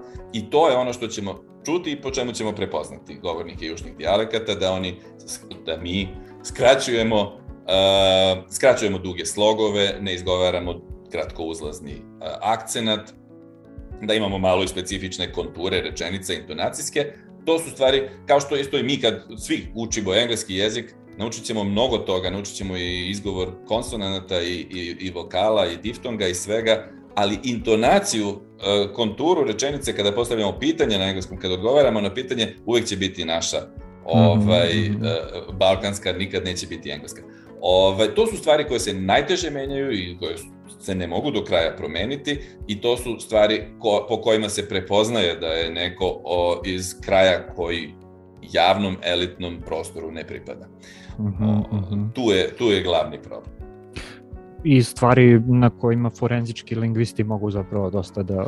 Apsolutno, da... apsolutno, apsolutno. To su stvari, ja znam za slučajeve kod nas, Orka Kašić, moja koleginica, koja je bila angažovana od strane policije upravo u takvim stvarima. Dakle, nije to samo nešto po filmovima ili po zapadu, i kod nas se takve stvari koriste da se prepozna odakle neko I to zapravo da, za nju sam i ja čuo, zato sam i pomenuo, uh, dešava se da zaseok zapravo možeš da vrlo lepo Absolutno. mapiraš na osnovu izgovora i tih nekih stvari. Da, Apsolutno, neko ko dobro da. poznaje dialektologiju nekog kraja, niko ne poznaje svih krajeva, ali ko se mhm. bavio nekim krajem, apsolutno može da, da, da prepozna te karakteristične crtice čak i do tog nivoa. Uh, ok, i kad pričamo o tome na taj način, znači da mi imamo uh, fono, ta, kako si rekao, opet sam zaboravio, fono, fonotaktički. Fonota, fonotaktičko usvajanje jezika u prenatalnom periodu, pa onda naravno još intenzivnije kada, kada, se, uh, kada se rodimo i odrastamo u okruženju u kom se govori jedan dijalekt. Um, jel možemo da govorimo zapravo posle o usvajanju standardnog jezika kao usvajanju drugog jezika? Apsolutno, apsolutno, ovaj, e, usvajanje standardnog jezika, dakle, generalno u Srbiji postoje tri grupe dijalekata, e, postoje šumadijsko-vojvođanski dijalekti koji se doživljavaju kao standard. Ovaj, postoje uh, staroštokavski, eto ti si ispod Šumlije, tamo se uh, priča staroštokavski, uh, moje sestre, brat, mm -hmm. moje, da, kako beš, ima ovaj, tu, dakle tu je dativ je drugačiji, uh, nema kratko uzlaznog akcenta i tako neke, neke su crte.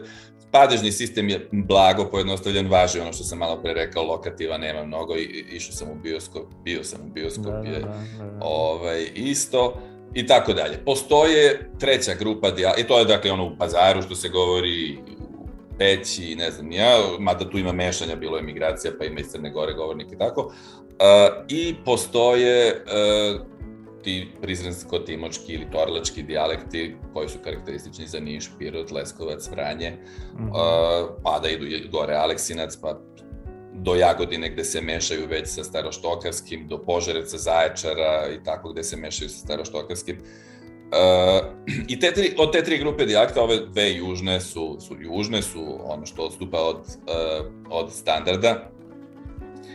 Uh, šta je bilo pitanje, ja sam se sad... Da, pitanje je bilo da li uh, usvajanje standardnog jezika e, da. možemo da... Dakle, za, za obe ove druge grupe, da, da, južno, da. Juž, južno, da. južnosrbijanske, usvajanje standardnog jezika je usvajanje drugog jezika. I to je potpuno ona priča koju sam malo prepomenuo, kao kod naših kasebetera, Dakle, deca mm. najpre kod kuće i na ulici iako se kod kuće obično govori neka mešavina, govori se neki lokalni standardni često, kako gde, recimo u, po, u polovini domaćinstava se govori baš lokalni dijalekat, u polovini se govori, zavisno od obrazovnog statusa obično, se govori neka vrsta lokalnog standarda, nešto što je između standarda i tog lokalnog jezika, ali dakle, u, u, u prvom periodu deca su izložena samo tone, tome kada krenu u školu, čak i u obdaništu se tako priča, kada krenu u školu, onda krenu da da se trude svi da se priča standard. Naravno, tu su i, i nastavnici, odnosno učitelji, učiteljice, koji, koji uglavnom pričaju da. lokalni i oni su u stvari lokalni i oni sami sebe ispravljaju i, i mm -hmm. decu, ali se trude ovaj, ponekad i kod njih postoji ta hiperkorekcija, pa i oni kažu nešto kako ne bi trebalo pomere akcena, gde ne treba upotrebe lokativ, gde treba akuzativ i tako. Dakle, svega toga ima i to još više na neki način, ja mislim, stvara taj tu atmosferu da sada pričamo drugačije. Ovde mhm, pričamo mhm. neki drugi jezik. Zato ti i ja sad nismo u stanju da pričamo normalno, nego pričamo ovim nekim stranim jezikom koji smo učili, jer nam, jer nam je vrlo rano ispran mozak da postoje situacije koje su zvanične situacije, koje su obraz, situacije u kojima se priča o temama na kojima pričaju obrazovani ljudi, koje se tiču obrazovanja, koje se tiču mm. politike, koje se tiču zdravstva, koje se tiču tih važnih zajedničkih poslova u državi i o kojima pričamo isključivo ovim varijetetom. Neko će ga usvojiti u većoj meri, neko će u manjoj, ali definitivno se usvaja kao drugi jezik u ovim područjima. Ja sam skoro radio sad neko istraživanje, pošto sa jednom koleginicom Nedom Milošević sam radio prilagođenje nekakvog standardnog testa, pošto postoje sada razni testovi standardizovani, da se prepozna stepen baratanja jezikom kod dece, kod odraslih. Ovo je bio test, Reinelov test za stepen uh, usvojenosti jezika, za stepen razvoja jezika. Kod mhm. dece koji se primenjuje, koji treba da bude primenjivan u diagnostici jezičkih nedostataka, ali i u testiranju eventualno dece pred polazak u školu da se vidi da, da li su u potpunosti zrela jezički uh, uh, što se toga tiče. I uh, Onda sam u okviru toga došao do nekog velikog materijala za istraživanje od velikog broja dece gde je primenjivan taj, taj test uh, ovako, uh, pilotski, da se prosto, uh, da ba, izbaždarimo različite skale, da vidimo ko, koje su uh, normalne neke mere. Uh, pa sam dobio veliki, veliku količinu materijala i onda sam baš uzeo pa sam E, neke stvari radio i zaista se vrlo jasno prepoznaju razlike. Sad, nije to uvek samo nedostatak, nekad je i prednost. Na primer, mm -hmm. kod usvajanja tih klitičkih zamenica, ono ga, mu, je, joj, ih, deca iz uh, ovih torlačkih, prizinsko-timočkih dijalekta, Pirot, Leskovac, Niš, Vranje i to, oni imaju veliku prednost u odnosu na i na Šumadiju, Vojvodinu, bilo šta drugo, zato što... Za, za šta? Za usvajanje klitičkih. Dakle, da, da evo, ne, recimo, deca su gledala slike i pričala šta vide na slici. I onda, recimo, dete u, iz bilo kog drugog dela Srbije, veća je šansa da će reći devojčica drži, drži zmaja, dečak joj traži zmaja, ona mu je dala zmaja, mm -hmm. ili de, devojčica, čak ovaj slučaj, devojčica drži, dečak joj traži, ona mu je dala, mm -hmm. bez izgovaranja direktnog objekta. Aha, aha. Dok bi normalno bilo, devojčica drži zmaja, dečak joj ga traži, devojčica mu ga je dala. Mm -hmm. E to, muga joj je e, to deca iz jugoistočne Srbije e, mnogo bolje zapravo. Mnogo bolje ranije i sigurnije da, usvajaju. Da, da, da. Zato što u tom kraju su te zamenice gramatikalizovane, više se koriste, tamo ćete čuti i recimo, uh, jesi ga video Petra? da, dakle, da, da, da. jesi video Petra, ali i opet ide, ide kritika i uz to. Da, da, da. Ovaj, i, njemu ne možemo to objasniš. Da, da, da. Ovaj, dakle, dupliraju se zamenice i upravo zbog toga su ranije, frekven, frekventnije su i gramatički su opterećenije i samim tim se mm -hmm. bolje i brže usvajaju. Dakle, ponekad tu ima i, i, i pozitivne ove, pozitivnog posticaja uh, u, toj bilingval, u tom bilingvalnom usvajanju jezika i uopšte u bilingvalnom usvajanju jezika ima stvari koje se brže razvijaju kod bilingvala, mada većina ide malo sporije. Eh, ali svakako usvajanje standardnog jezika za, za decu eh, izvan tih dijalekata koji su nagrađeni statusom prepoznavanja kao standardnih, iako ni oni nisu standardni, ovaj, podrazumeva učenje dva jezika praktično. Da, da, da, da. da. Uh, ono što, što se kaže da, da je Vuk Stefanović Karadžić bio iz Vranje, Apsolutno, da. Niko sad ne bi rekao iz Vranja. pa da. Da. Um, ok, a kad je u pitanju, da, sad je to više političko pitanje i ne znam da li možda da prelazimo na to ili ima možda još nešto što je vezano za ovo što pa, bi Možda pomenuo. bi ovde još valjalo reći nekoliko mm -hmm. stvari. Ovaj, dakle, u stvari, sad se ja sećam kako smo mi uopšte stupili u kontakt, bio je onaj tvoj komentar negde o... Je, o da, da, da, da. Dakle, uh, tu postoji nekoliko problema. Prvi problem sa tom diskriminacijom, sa, tom, sa tim prepoznavanjem južnih e, osobina jezika kao loših je u samoj toj diskriminaciji, u samoj stigmatizaciji. Ali e, problem je dublji, nije to samo nešto što nastaje u situaciji kada se ja, nađemo u javnom prostoru. To je i nešto što se vezuje, dakle, e, danas ljudi koji se bave sociolingvistikom, e, tom tim nekim uh, interdisciplinarnim prostorom jezika i društva. Uh, jezik posmatraju zapravo dijalekat uh, i uopšte varijetete kojima vrste jezika kojima neko barata, prepoznaju kao kapital, najbukvalnije. Zato mhm. što Uh, zato što jezik ima tu simboličku i indeksičku funkciju da nas smešta negde u društvu, da nas predstavlja kao, uh, kao pripadnike nekih društvenih grupa, društvenih slojeva i upravo zbog toga nastaju svi slengovi mladih, jer mladi žele onda slengovi kriminalaca i tako dalje, jer, jer se ljudi tipom jezika koji koriste predstavljaju ovaj u društvu.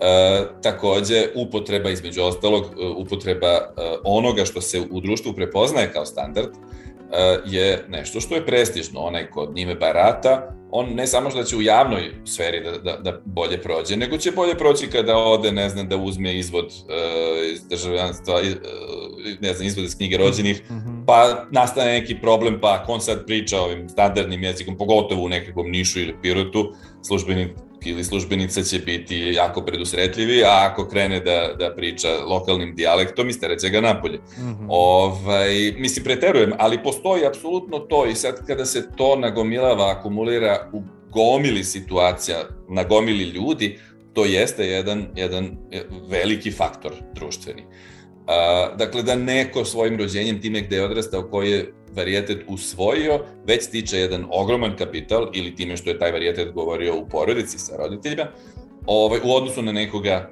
ko nije. E, onda dodatni problem nastaje uh, odatle da, da, dakle, svi smo mi uh, rođeni sa nekim kapacitetom za usvajanje jezika.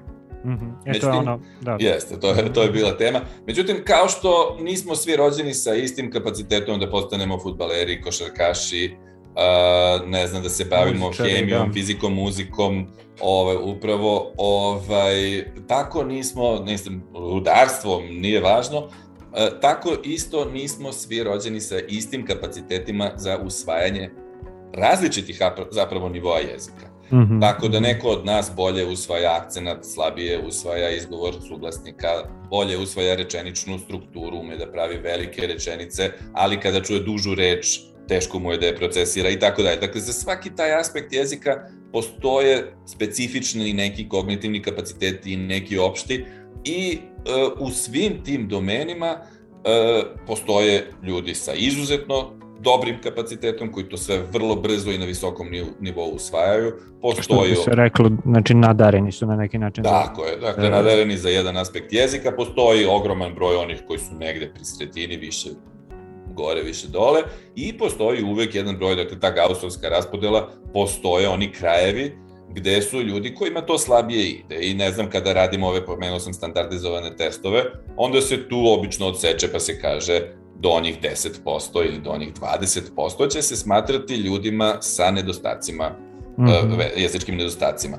Međutim, uh, dakle, tih 10-20%, ali u principu, što je neko bliže tom donjem kraju, to će teže usvajati jezik uopšte, ali kada se nađe u bilingvalnoj situaciji, kada usvaja dva jezika, odnosno kada usvaja sad taj drugi standard, tu će situacija biti mnogo drastičnija kod takvih ljudi i oni će mnogo više problema imati sa usvajanjem standarda. Tako da mm -hmm. i taj čovek može da bude izuzetno revnosan đak, da sve domaće radi maksimalno da uči padeže u školi, da uči mesto akcenta, da uči napamet mesto akcenta u reči, ne znam, šta god da uzme da radi sa kojim god, naravno, donekle će popraviti situaciju, sve to znači, sve to popravlja situaciju, ali opet su dobre šanse da će re, e, rezultat njegovog usvajanja tog jezika biti, biti malo slabiji.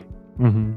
I ovaj, onda... Uh, znači to je ono što to je ono što zapravo sad uh, uh, pričamo, a to je da uh, obrazovanje na neki način uh, je manje važno kod usvajanja standardnog jezika u odnosu na kognitivne kapacitete apsolutno koje mi je manje imamo. Važno, da, da, da, apsolutno da. značajno manje važno. Mhm. Pogotovo ako uzmemo u obzir to da u tim krajevima gde se pričaju drugi dijalekti i nastavnici pričaju te dijalekte, neki od njih opet su uspešniji u svoj standard, neki su manje uspešni u svoj standard, ali svi mhm. imaju tog lokalnog akcenta i onda deca nisu ni u situaciji da čuju mnogo toga, ali što će i čuti više manje, ali nisu u situaciji da vežbaju, nisu da, da im neko kaže, mm -hmm. ajde sad, ustani i reci mi ovu, pročitaj mi ovu priču deset puta za redom, ja ću ti svaki put ispraviti kad, kad neki akcent nije mm -hmm. tamo gde je u standardu, da bi ti to vežbao i vežbao i razvijao i razvijao i razvijao, pa da eventualno na kraju dođemo do nekle. Takve se stvari ne rade u školi. Znači toga nema u školi. -hmm. U školi Ima... se uči, ne znam, e, genitiv te i te reči je to i to, genitiv služi da iskazujemo da je ono značenje, ne znam, uh, posesivnost i tako dalje, ali ovih stvari nema. Nema nikakvih vežbi zapravo praktične upotrebe jezika gde bi neko bio u prilici da pravi greške i da pokušava da koristi taj standard, a neko drugi mu uvek ukazivao i vraćao i ponovo ga posticao da to vežba toga nema. Ali kažem sve i da, da ima, sve i kad bi bilo, situacija bi bila nešto, nešto bolja, ako je uopšte to bolja situacija sa usvajanjem standarda od ove, ali ne bi bila e, drastično bolja. Još uvek bi bio veliki broj ljudi koji jednostavno usled svojih, svog kognitivnog kapaciteta neće biti u stanju da koriste standard neprimetno, da koriste standard bez akcenta. Kao, to je kao tražiti od, od svih da trče 100 metara za 10 sekundi. Mhm. Jednostavno, kad bi se uveli standard u državi, naša država, građanin Srbije trči 100 metara za 10 sekundi. A mhm. sad, kako? Nema, to je standard i, i ti moraš. Neće moći svako, jednostavno. Mhm. Neko neće moći, mnogi neće moći. Ovaj, I stigmatizovati ljude zbog toga što, što pokazuju elemente svog akcenta, to je veliki uh, zločin i veliki greh našeg društva. Mm -hmm, mm -hmm. I sad kad, kad pričaš o tome kako je to, ne znam, u, na jugu Srbije ili bilo gde gde je daleko od standarda, gde se govori daleko od standarda, uh, nema vežbi, uh, meni pada na pamet sad i to kako se, na primer, uči engleski jezik u, u školama. Znači mi kad radimo, kad učimo engleski jezik, kada ga usvajamo prvi put, tu ima mnogih tih vežbi, znači i diktata što se tiče pisanja i izgovora i ne znam, pa ima ona čuvena scena iz, ne znam koji to beše film kad, kad ovaj, ovaj uči da, da govori the. Kod pa, kod nušice, da, da. da. Da, da, da, kod Nušića, da. A, znači, to, to, toga nema zapravo za srpski jezik. Za engleski i za druge strane jezike ga ima, ali za standard, makoliko da mo, mi možemo da ga na neki način posmatramo i kao drugi jezik u odnosu na dijalekt koji nam je maternji, um, toga apsolutno, nema. Da, apsolutno. Da, da. Nažalost, nažalost, zato što uh, iz ideoloških razloga, očigledno, dakle, to Da, mora da, da, da. ostane naš zajednički jezik. Ove, Da, da. vrlo često se upravo ljudima sa juga prebacuje to, kao čekaj, u Srbiji živiš, pričaj srpski. Pa sve je to Mhm. srpski, ništa od toga nije manje srpski. E, to je to. Ako bi sad nekoga na, Srb, na jugu Srbije učili standardnom srpskom kao stranom jeziku, onda se nacionalisti plaše, koju to poruku šalje. Ove, kako Da, da, mi Srbe u Srbiji učimo srpskom kao stranom jeziku. Mm. Ove, tako da ima tu naravno rešenja, mislim, možemo i o tome da pričamo, možemo i ne, na, naš, naš doživljaj standarda je jednostavno uh, preterano normativan, preterano autoritativan uh, i autoritaran, ujedno i ovaj, nepotrebno. Mhm, Zaista i ideološki opterećen ovaj, moglo bi to mnogo labavije sa istim, sa, sa boljim rezultatima ostvariti. mhm, mhm. Ajmo jednu malu pauzu pa da se vratimo. When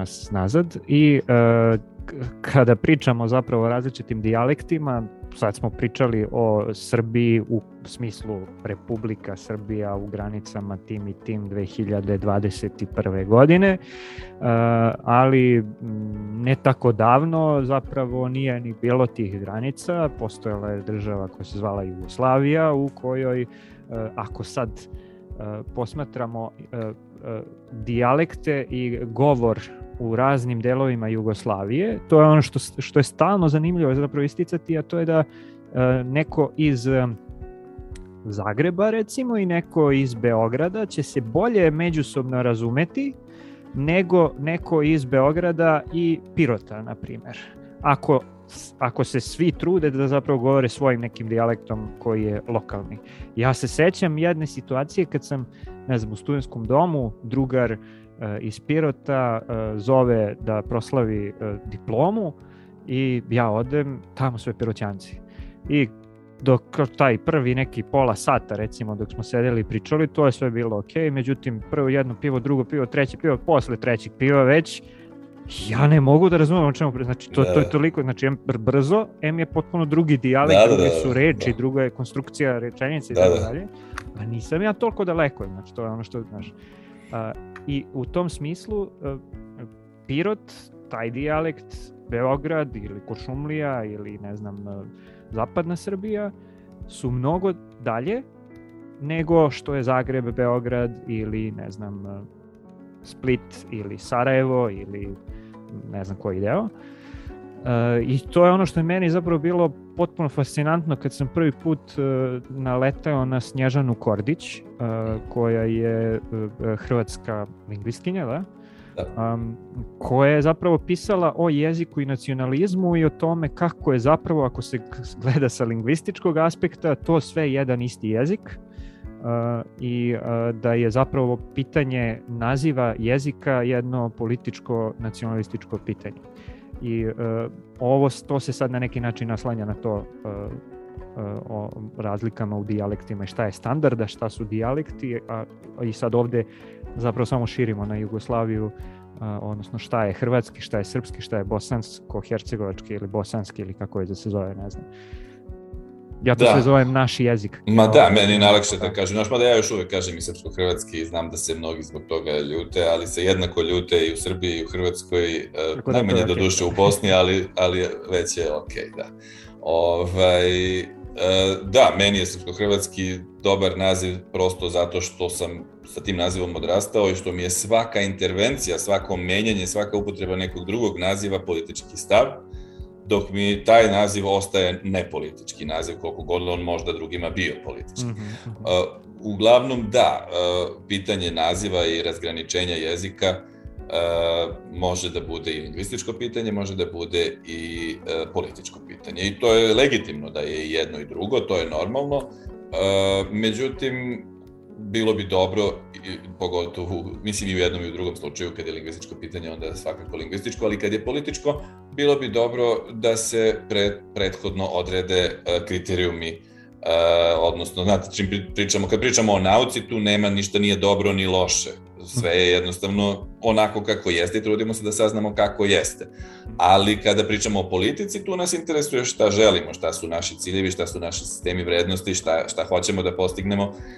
U poslednje vreme, to jest već dugo u stvari na, ovim, na ovom području, ovo možda i skoro pa od uvek, uh, nacionalizam je jedan od osnovnih kriterijuma svega u politici, pa i, pa i jezika i onda je jezik debelo zloupotrebljavan u tom smislu, ali na jedan, na jedan komičan način zapravo, utoliko što, eto, recimo, ako bismo mi u Srbiji želeli da imamo srpski jezik koji se zaista razlikuje od drugih, možemo da uzmemo taj pirotski i nema problema. Dobro, onda bi imali malo sa bugarima neke ovaj, probleme razgraničenja, ali eto, mogli bi da uzmemo Kušumliju, fenomenalno.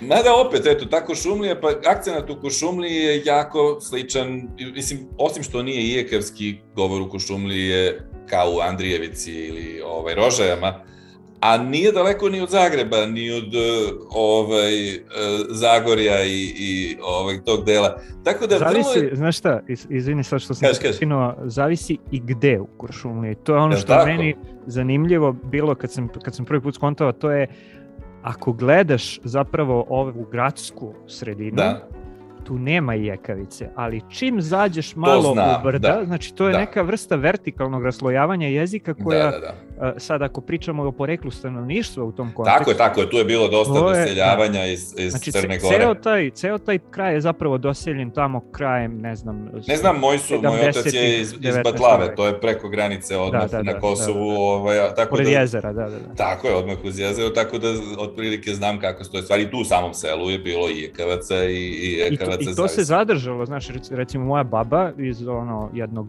vrlo planinskog sela, uh, ona je uh, večito, ona govorila i jekavicom, znači kod nje je bilo mlijeko Da, da. uh, i kod nje je bilo, ne znam, najpoznatija psovka, recimo čuvena njena psovka je bila strijela te udarila. Da, da, da. I sad ti kao kad to čuješ, budeš u fazonu, čekaj, dakle, ovo je ovo crno, crnogorski, šta je ovo? Znaš, Da, da, da, da, da. Ne, ne, ne zvuči kao, kao iz, grada, iz grada i to je meni sad zanimljiva vrsta, u smislu, zanimljiva pojava, ono što sam ja nekako uspio da to interpretiram, eh, a to je da su te, ta sela bila zapravo izolovana od spoljnih uticaja koji su zapravo menjali eh, taj autohtoni, inicijalni zapravo dijalekt koji je tu donesen tamo, ne znam, 870 i nekih Mhm. godina e, i koji se umeđu vremenu promenio baš zbog toga što je bilo mnogo više komunikacije sa e, ne znam, severnim delovima Srbije, ajde to tako kažem, dok se recimo po selima tu nije bilo komunikacije. Da, da, tu ima razne Da, da. dinamike, u, u, ne samo to, nego generalno ta, taj celi pritisak e, prilagođavanja je jedan moderniji pritisak i to je jedan urbaniji pritisak. I to danas što postoje, ajde svi da pričamo isto, to je prilično nova stvar. Dakle, pre stotina godina to nije postojalo, ali do dan danas po selima to ne postoji. Dakle, uda se žena iz jednog sela u drugo, ovi su ijekavci, ovi su ekavci, ona će ceo život pričati ijekavski u Da, selu koje je celo ekavsko. I neće time biti obeležena nikako, to je prosto njena osobina, ona je došla iz tog sela, ona, oni tamo tako pričaju, to je nešto lepo, to je nešto, kao što oni tamo prave sir ovako, a mi pravimo onako, ali volim da Mhm. probam i onaj njihov. Mhm. Ovaj, I to je, to je skoro, i to je tako svuda, to je tako i u Hrvatskoj. I dan danas u Hrvatskoj nema toliko tog pritiska da svi pričaju isto. Tamo se dosta, ovo imao si reklamu malo pre, Mhm. nije čudo da kod njih tako, zato što kod njih postoji još uvek dosta tog stava. Ovaj, ovi pričaju tamo, u Dalmaciji pričaju ovako, u Istri pričaju onako, u Slavoniji pričaju kako pričaju, u, u, u, Zagorju, ne znam, po ostrvima. I, I to je sve, ok, to je tako, to je njihova osobina. Da, možda će malo reagovati, bilo je ono skoro neki no- novinar je na hrtu vodio jutarnji program, pa iz Dubrovnika i onda je bila bura oko toga kako može dubrovački da se priča na nacionalnoj televiziji. Da. Ovaj, ali mnogo, mnogo manje nego ovde. Mi smo mnogo podlegli tom nekom normativizmu, kod nas se zna kako devojčice moraju da peglaju kosu, zna se kako, i ko je malo od toga odstupio u školi, u nečemu, tu će biti stravičan pritisak zajednice, ne sme se odstupati, moramo da budemo isti. I mislim, to je generalno pojava koja opterećuje društvo, a opterećuje ovaj, i jezički. Ranije nije bilo tako, zaista. Ranije su te jezičke razlike bile prosto prepoznavane kao neke crte, ovaj, kao neke, neka živopisnost. Tako. Pa i to, to je ono, društveno bogatstvo, mislim svaka Da. vrsta diverziteta je na neki način bogatstvo, ali kada imaš nacionalističke ideologije, to je sad ono što je zapravo problem, kada imaš nacionalističke ideologije, onda sad je ono, nudi, ja nudim neku svoju interpretaciju, ono, laičku, Uh, onda zapravo imaš mnogo više pritiska da se n- napravi neka vrsta čistog. Apsolutno, apsolutno, I apsolutno. onda Upravo to treba ti esencija srpstva. Šta je srpstvo? Pa evo, kako je pravilno da se priča srpski? Šta je srpski jezik? Evo to što je... I onda kaže neko, pa to što je Vuk Karadžić uveo. A Vuk Karadžić je čovjek rekao, pričaj kao što govoriš. Sve što narod priča, svako kako priča, sve je to u redu. Sve to treba da bude standardni jezik. Sve to treba da bude u... On je čovjek svoj kako on priča, on je to opisao. Ali to ne znači, on nije rekao, sad ćete svi morati da pričate kao ja. Ako, ako neko zaista uzme čita Vuka Karadžića i misli o tome šta, mislim, mi svi znamo i sve nas uče u školi da je Vuk Karadžić liberalizovao jezik, da je Vuk Karadžić rekao nemoj da se pravimo da, da, da pričamo kao u srednjem veku i kao, kao Rusi, hajde da pričamo ono kako stvarno pričamo u životu. E, od tog, hajde da pričamo stvarno kako pričamo u životu, se to o, tim istim nacionalističkim pritiskom, upravo kako si rekao, pretvorilo, hajde sad svi da pričamo kako mi mislimo da je Vuk Karadžić hteo da pričamo. da. Da, da, da. Um, a ajde da onda možda malo pojasnimo, a ja ću svakako eto da uputim i preporučim ljudima da e, čitaju i ovo što je Snježana pri, e, pisala. Apsolutno, znači da. to je ono, ono gde sam ja prvo naišao je u stvari e, ta- taj neki članak koji je sažeta verzija njene knjige Jezik i nacionalizam, a članak se zove Naziv jezika na peščaniku.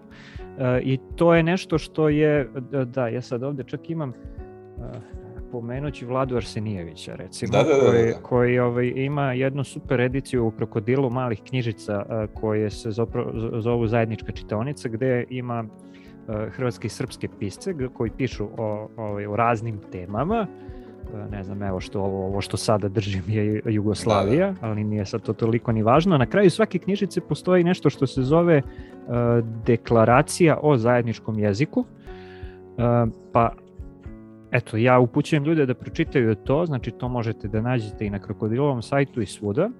A, a od tebe bih zamolio da probaš da objasniš sa lingvističkog aspekta e, zašto mi ne možemo da govorimo o različitim e, jezicima e, kada je u pitanju Jugoslavija, nego zapravo govorimo o jednom zajedničkom jeziku. Da, ovaj, mislim, mi možemo da radimo šta hoćemo, Da, pitanje naravno, je da. samo šta je zaista, e, šta Da, ima ikakvog ne bi trebalo, osnova, da, da, da. jeste. Ovaj, kažem, možemo, jer očigledno danas je mnogo više pitanja šta se kome može, nego ovaj, šta je dobro i o, šta je za sve dobro i šta ima smisla. E, dakle, ja sam to malo pripočeo, da, mi bi mogli da dođemo dotle da, da to ima nekog osnova da pričamo o različitim jezicima, kad bi recimo Hrvati uzeli čakavski ili kajkavski da im bude zvanični jezik, mi uzeli uh, govor košumlije recimo ili tako nešto, ovaj, i na primer, sad ne znam, teško je onda naći još dva varijeteta, teško je naći još jedan za Crnogorce i još jedan za Bosance, jer smo Mhm. iscrpli otprilike varijaciju sa, sa tri neka e- ekstremno udaljena dijalekta, čak nisu ni ekstremno udaljeni. Ovaj, zapravo na celom tom području Balkana, od severa, severoistoka, severozapada Slovenije do jugoistoka Bugarske, e, postoji jedan jezički kontinuum. To znači da se od sela do sela, na svaki kilometar dva jezik menja za neku malu, malu, malu mrvicu i da nigde ne postoji granica gde bismo mogli da kažemo, e sad, ovde, o, sa ove strane granice je to jedan jezik, sa ove strane je drugi. Čak znači tu Mm. uključujem bugarski, makedonski, sve je to jedna jezička masa. E sad, Mhm. naravno, na, toj, na tom području mase postoji varijacija i ako gledamo ekstremni severozapad i ekstremni jugoistok, to su prilično različiti varijeteti, različiti jezici. I ako bismo sad tu tortu sekli nekako, mi bismo mogli da pravimo manje i manje i manje jedinice. Ali u principu, da bi se, da bi se održali na nekom nivou nedovoljne razum, nedovoljnog razumevanja, maksimalno bismo mogli ise, iseći to celo područje na 3-4 dela. Dakle, Mhm. tu realno ima materijala za 3-4 jezika. Ovaj, i, i, I ne bismo mogli nikako naći 6-7 varijeteta koji su nam potrebni za slovenački, ma kakve 8, ovaj, za, za sve te varijetete, toga nema. Jednostavno Mm. nema tolike varijacije. Mislim, ne postoji nikakav standard u lingvistici. Ne, nije moguće reći, a sad, e, ne znam, recimo, razvili su ljudi, pričali smo o standardnim testovima malo pre, pa postoje i standardna me, standardne mere sličnosti jezika. Ovaj, pa, pa ljudi Mhm. rade, ima, postoji upitnik, ok, kako radi ovo, kako radi ovo, kako radi ovo, kako radi ovo, po svemu tome, jesu isti, jesu različiti, izmeri, ako je preko 70, 75%, ne znam, računa Mhm. se da je to jedan jezik, ako je ispod 70, ali ko će staviti granicu 75%, zašto ne 80, zašto ne 82? I to je zašto- neka konvencija, da. I to je neka konvencija. Međutim, kad je reč o, o jezicima, o, o, o tom bivšem srpsko-hrvatskom, granice unutar tog područja su još daleko, daleko manje. A e, ljudi su, ne, ne znam, e, John Balin, lingvista američki koji u Rusiji živi i radi, je recimo radio neko istraživanje za standardni hrvatski i standardni srpski i našao da je podudaranje tipa 99, nekoliko posto. Znači to je, to nije 70, nije 75, nije 80, nije 85 to je bukvalno nema osnova da se priča o, o bilo kakvoj ozbiljnoj različitosti. Dakle, u tom nekom pogledu, ono što Hrvati predstavljaju kao standardni hrvatski, ili hrvatski lingvisti, srpski lingvisti, pod navodnicima bih rekao lingvisti, jer tu je više nacionalizma nego lingvistike, kao srpski, mm -hmm. bosanski kao, bo, bošnjački kao bosanski, crnogorski kao crnogorski. Ti standardi, to što se predstavlja kao standard, to je beskreno slično jedno to, to je razlika tako sitna i beznačajna kada se uzme sva kompleksnost jezika, kada se uzme kompleksnost gramatike. Ljudi insistiraju na tome da se ovde kaže mrkva, ovde se kaže šagarepa. Pa evo imali smo peratonica, mhm. per, da. pernica, futrola, ovaj, obdanište, vrtić, ne znam, gomila Anarika, stvari. Džanarika, Ringlo, e, tako dalje. Tako je, da. Ove šeftili. Ovaj, i, dakle, razlike, leksičke razlike su, ono, idu od, od mesta do mesta i one nisu mm -hmm. značajno merilo. Uh, gramatičke razlike jesu, ali gramatičkih razlika zaista ne. I, tak, i, i, i mislim, zaista lepo je što si pomenuo Vladu Arsenijevića, jer je on tu uložio ogroman entuzijazam i ogromnu energiju, uh, pokrenuši taj jedan ciklus okruglih stolova uh, koji su se mhm. održali po, po republikama uh, bivše Jugoslavije u kojima se govori isti jezik, ovaj, gde su lingvisti razgovarali o tome, koji je na kraju u, urodio tom deklaracijom na, koj, koja, koja je meni jedna važna svetla tačka ovaj, i nešto na što se zaista uvek može referisati da postoji u tom pogledu, bez toga bi stvarno bilo sramota biti lingvista uh, iz ovih krajeva ovaj, i srećan sam što je i meni pružio mogućnost da u tome učestvujem u, u, u tom procesu i u pisanju deklaracije. Jako lepa stvar koja je okupila zaista lingviste, ali i ovako i pisce i uopšte ljude koji su zainteresovani za to pitanje iz svih ovih uh, republika sa, sa jednim konstruktivnim stavom i koji je odjeknuo zaista u svetu i dan danas ljudi vrlo rado i često lingvisti koji se bave ovim jezicima uh, referišu na tu deklaraciju kad god je potrebno. Mm -hmm. Ja ću je okačiti, odnosno linkovaću u opisu epizode da Hvala mogu ljudi da je, da, je, da je pogledaju. Linkovaću i ove knjižice meni su zanimljive i zato što se bave raznim tematikama identiteta zapravo, što je neka druga priča, ali ovaj, ne moramo sad da ulazimo u to.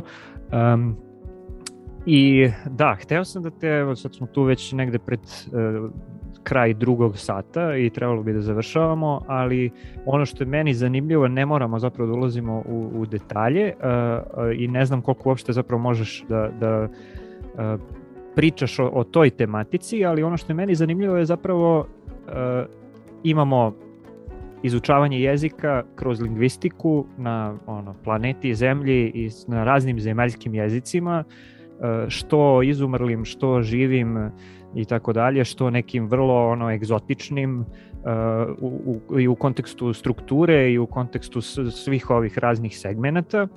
Uh, da, recimo, malo zanimljiva mi je bila, ne znam da, da li znaš za tu interpretaciju, ali to je Miša Arsenijević, um, Miloš Arsenijević, filozof, filozof da, da. naš, da, koji se bavio uh, ceo svoj život zapravo prostorom i vremenom i sad e, ima tu svoju onu malu knjižicu koju ja preporučujem svima koji, koji se zanimaju za te teme, zove se Vreme i vremena, imaju ovu već... Sjajna knjiga, da, da, da, da. Prostor, vreme, Zenon. Uh, I uh, u toj vreme i vremena ima jedan segment koji mi je bio potpuno ono zanimljiv zato što je na neki način veza fizike i, uh, i jezika a to je, on priča o Benjaminu Lee Worfu i jeziku Hopi indijanaca da, da E, gde kaže, i sad molim te ispravi me ako, ako sam ja sad, davno sam čitao, zaboravio sam, e, gde on kaže da e, jezik Hopi indijanaca je drugačiji u odnosu na to u kom trenutku i u kom selu ga govoriš. Odnosno, ako odeš u, u neko drugo selo i govoriš o, o prvom selu odakle si, a govoriš o prošlosti, govorit ćeš drugačijim jezikom nego, nego o tom selu u tom trenutku u kom se ti nalaziš, iako je to sve jedan isti, da, da kažemo, jezik. I tu sad Miša Arsenijević eh, daje neku svoju onako lucidnu hipotezu kako je Benjamin Lee Worf, kako su Hopi indijanci zapravo mnogo pre Einsteina uh, otkrili relativnost vremena i prostora. Uh, eto, sad malo sam ja previše ušao u digresiju, ali kao to, to je jedna stvar koja, koja je meni zanimljiva u smislu struk, izučavanja strukture jezika kao nečeg što je, kao što si na samom početku rekao, uh, na neki način izvan uh, čoveka, kao što je matematika na neki način izvan čoveka. I u tom kontekstu je meni posebno bio zanimljiv ovaj film uh, Arrival, Da, da. gde zapravo dolazi do kontakta sa vanzemaljskom inteligencijom koja govori, uh, odnosno komunicira na potpuno, jezikom potpuno drugačije strukture, znači tamo postoje one neke ciklične forme Mhm. rečenica i tako dalje. Sad to je naravno, ja pretpostavljam, vrlo abstraktno i možda ni Mm. nema mnogo smisla, ali uh, previše sam sad izdigresirao. Neka, neko osnovno pitanje eh, koje bih volao da, da nekako se dotaknemo sad na kraju je to um, koliko su zapravo univerzalne te stvari koje, koje su uh, vezane za strukturu jezika i za naše poimanje i definiciju jezika i tako dalje, ako bismo govorili o kontaktu sa vanzemaljskom uh, inteligencijom nekom potencijalnom, uh, koja govori nekim vanzemaljskim jezikom i koliko smo mi zapravo antropocentrični u poimanju i strukturi jezika na našoj planeti. Znači, svi jezici su manje više slični što se tiče strukture, jel da? Evo, tu se sad ti vraćaš na Wittgenstein. Zato što su granice našeg jezika i granice našeg sveta tu gde jesu. Tako da bojim se da mi e, zaista jesmo zarobljenici kapaciteta našeg uma i kapaciteta našeg jezika i da nismo u stanju da mislimo e, jezik drugačiji, e, suštinski drugačiji od onoga e, što, što su okviri našeg jezika. Dakle, to je meni, mislim, dakle, ne želim ništa loše da kažem o filmu, to je lep i dobar i dobro zasnovan i vrlo pošteno odrađen, naučno, fenomenalno odrađen pokušaj da se smisli, ali koliko i bilo šta drugo u science fictionu, toliko i ovo ostaje u granicama e, naših mogućnosti. Dakle, mi, ono, postoji ta antropocentničnost e, e, vanzemaljaca gde ih prikazujemo sad možda imaju jedno oko umesto dva ili ne Mhm. znam, ali u principu liče na ljude, ovaj, slično važi i za tu sliku jeziku. Zaista su se potrudili, koleginica se potrudila, pošto je to lingvistki njena koleginica e, radila, osmišljavala taj jezik, pa je upravo uzela onda je te, te rekurzivne strukture zamenila drugim matematičkim formama ovaj, i tako dalje. Dakle, odradila je puno toga što uopšte je moguće koliko se bilo ko radi, ko bavi eh, S, bilo ko ko se bavi SF-om, koliko može to uraditi, to je uradila i ona i, i u tom smislu svaka čast zanatski je odrađeno, ali mislim da je to opšte pitanje SF-a. Možemo li mi da mislimo nešto što ne možemo da mislimo? Ovaj, Mhm. A, i, I čak i, naravno, to je jedno od stalnih pitanja u samom SF-u, da li zapravo paralelno sa nama postoji mnogo toga što mi jednostavno nismo u stanju da mislimo, dakle, možda stvari postoje, samo ih ne, ne doživljavamo.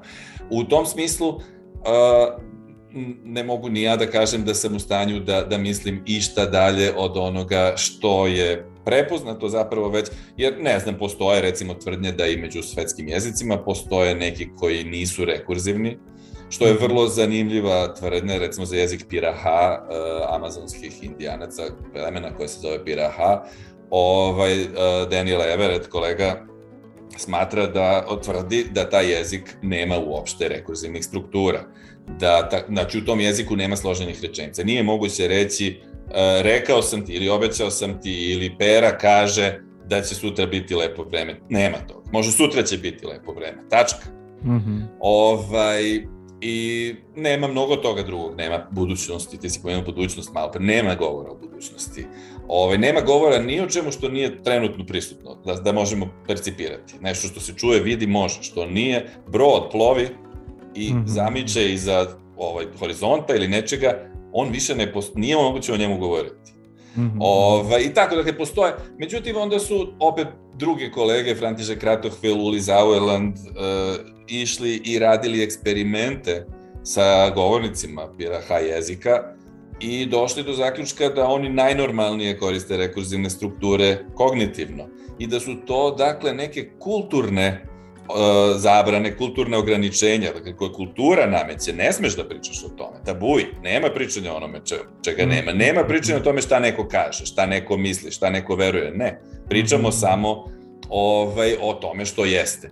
Uh, što, što je zanimljivo i opet u sklopu onoga što ti pomenuo kod Hopi Indijanaca i kod njih ta priča da se o nečemu što pripada jednoj sferi priča u domenima, u terminima te sfere, ovaj, je vrlo slična kulturna zabrana. I postoji gomila tih kulturnih modela, to je opet ono malo pre što smo pomenuli da žena koja je donela svoj govor u jedno selo nastavlja da priča taj govor, uh, taj model, na primjer, se prepoznaje u Australiji gde postoji jedna ciklična struktura od 9 ili 10 plemenskih grupa, od kojih svaka ima svoj jezik, ali u, da kažem, crkvi, u religioznim obredima koristi jezik susednog plemena.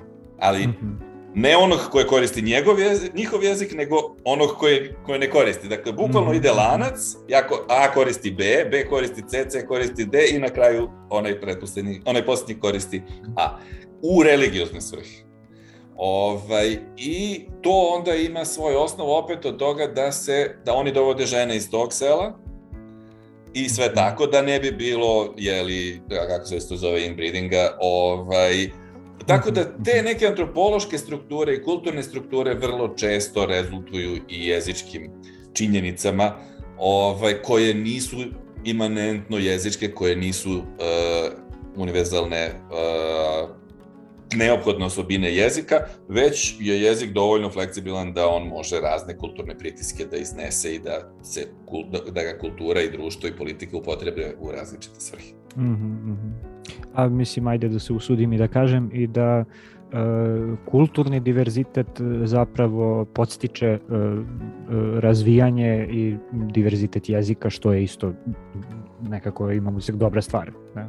Apsolutno, a svaki diverzitet je dobra stvar i to je veoma važno, tu je jako, jako štetna ta uniformizacija, unifikacija, pritisak, jako je dobro čuvati sve vrste diverziteta, izme, jednostavno i biološkog, i mislim, evo sad smo videli sa pandemijom, Dakle, što više diverziteta, to više i različitih imunih odgovora, to više mm. ovaj, i drugih vrsta odgovora i to, to lakše i brže prilagođenje na neke nove okolnosti. Mm -hmm. Uh, ok, je li ima još nešto što smo propustili da kažemo što je važno? Mislim da smo sve rekli. da, imam utisak da smo tek počeli, ali dobro, ajde. Pa da, može ja da se stalno priča. tako, kad se zapričam sa nekim ono dva sata i onda shvatim čako čovječe, tek smo počeli. Uh, ok, uh, hvala ti za ova dva sata, ja ću Hvala da iskoristim, ja ću da iskoristim priliku da ovaj, pomenem tvoj podcast, uh, tvoj i Markov podcast, znači Marko Simonović, takođe lingvista, Tako je, naš, uh, je li on isto bio u Holandiji ili kako bi? Tako i on je doktorirao u Holandiji, do duše kad sam ja već na, napustio Holandiju, o, je on počeo sa studijama tamo, a evo sad smo obojica u Gracu, ovaj, ovde radimo na lingvistici, na slavistici. I uh, podcast se zove Natkast. Da. Uh, ajde po meni ljudima, verujem da će biti zanimljivo svima koji su za, se zainteresovali sad kroz ovu priču za lingvistiku da čuju ove stvari koje ste vi uh, u tih par... Da, pet koga interesuje, da, ima nekoliko epizoda koje se jezikom bave, različitim pitanjima među ovima koje smo diskutovali. Da, okej. Eto, znači Natkast, uh, stavit ću link u opis epizode da, da ovaj, možete da slušate ako, ako vas zanimaju teme vezane za jezik. Uh, I to je to. Eto, Bože, hvala za prijatan razgovor. hvala tebi. Pa ja ću vidimo. samo ja ću samo sad na kraju da ponovim, a, odnosno da kažem onu standardnu neku odjavu Radio Galaksija, to je slušajte Radio Parat, slušajte Radio Galaksiju. Ako a, cenite ovo što radimo i ako vas zanimaju ove teme i ovo što radimo, a e, želeli biste da pomognete, možete da nas i finansijski podržite preko Patreona ili Paypala, e, svi linkovi su u opisima epizoda i e, na društvenim mrežama gde nas možete naći, a možete nas naći i na Facebooku i na Instagramu i na Twitteru i to je u suštini to što je kao klasična odjava. Bobane, čujemo se, nadam se da se vidimo sledeći put uživo I ja se nadam. Na nekoj, na radiju ovaj, sa nekom drugom temom iz oblasti lingvistike, a ne ovako širokom temom. Možda možemo sa sledeći put nešto malo uže. Može. Važi, ništa, ču, čujemo se. Čuvajmo se zdravo.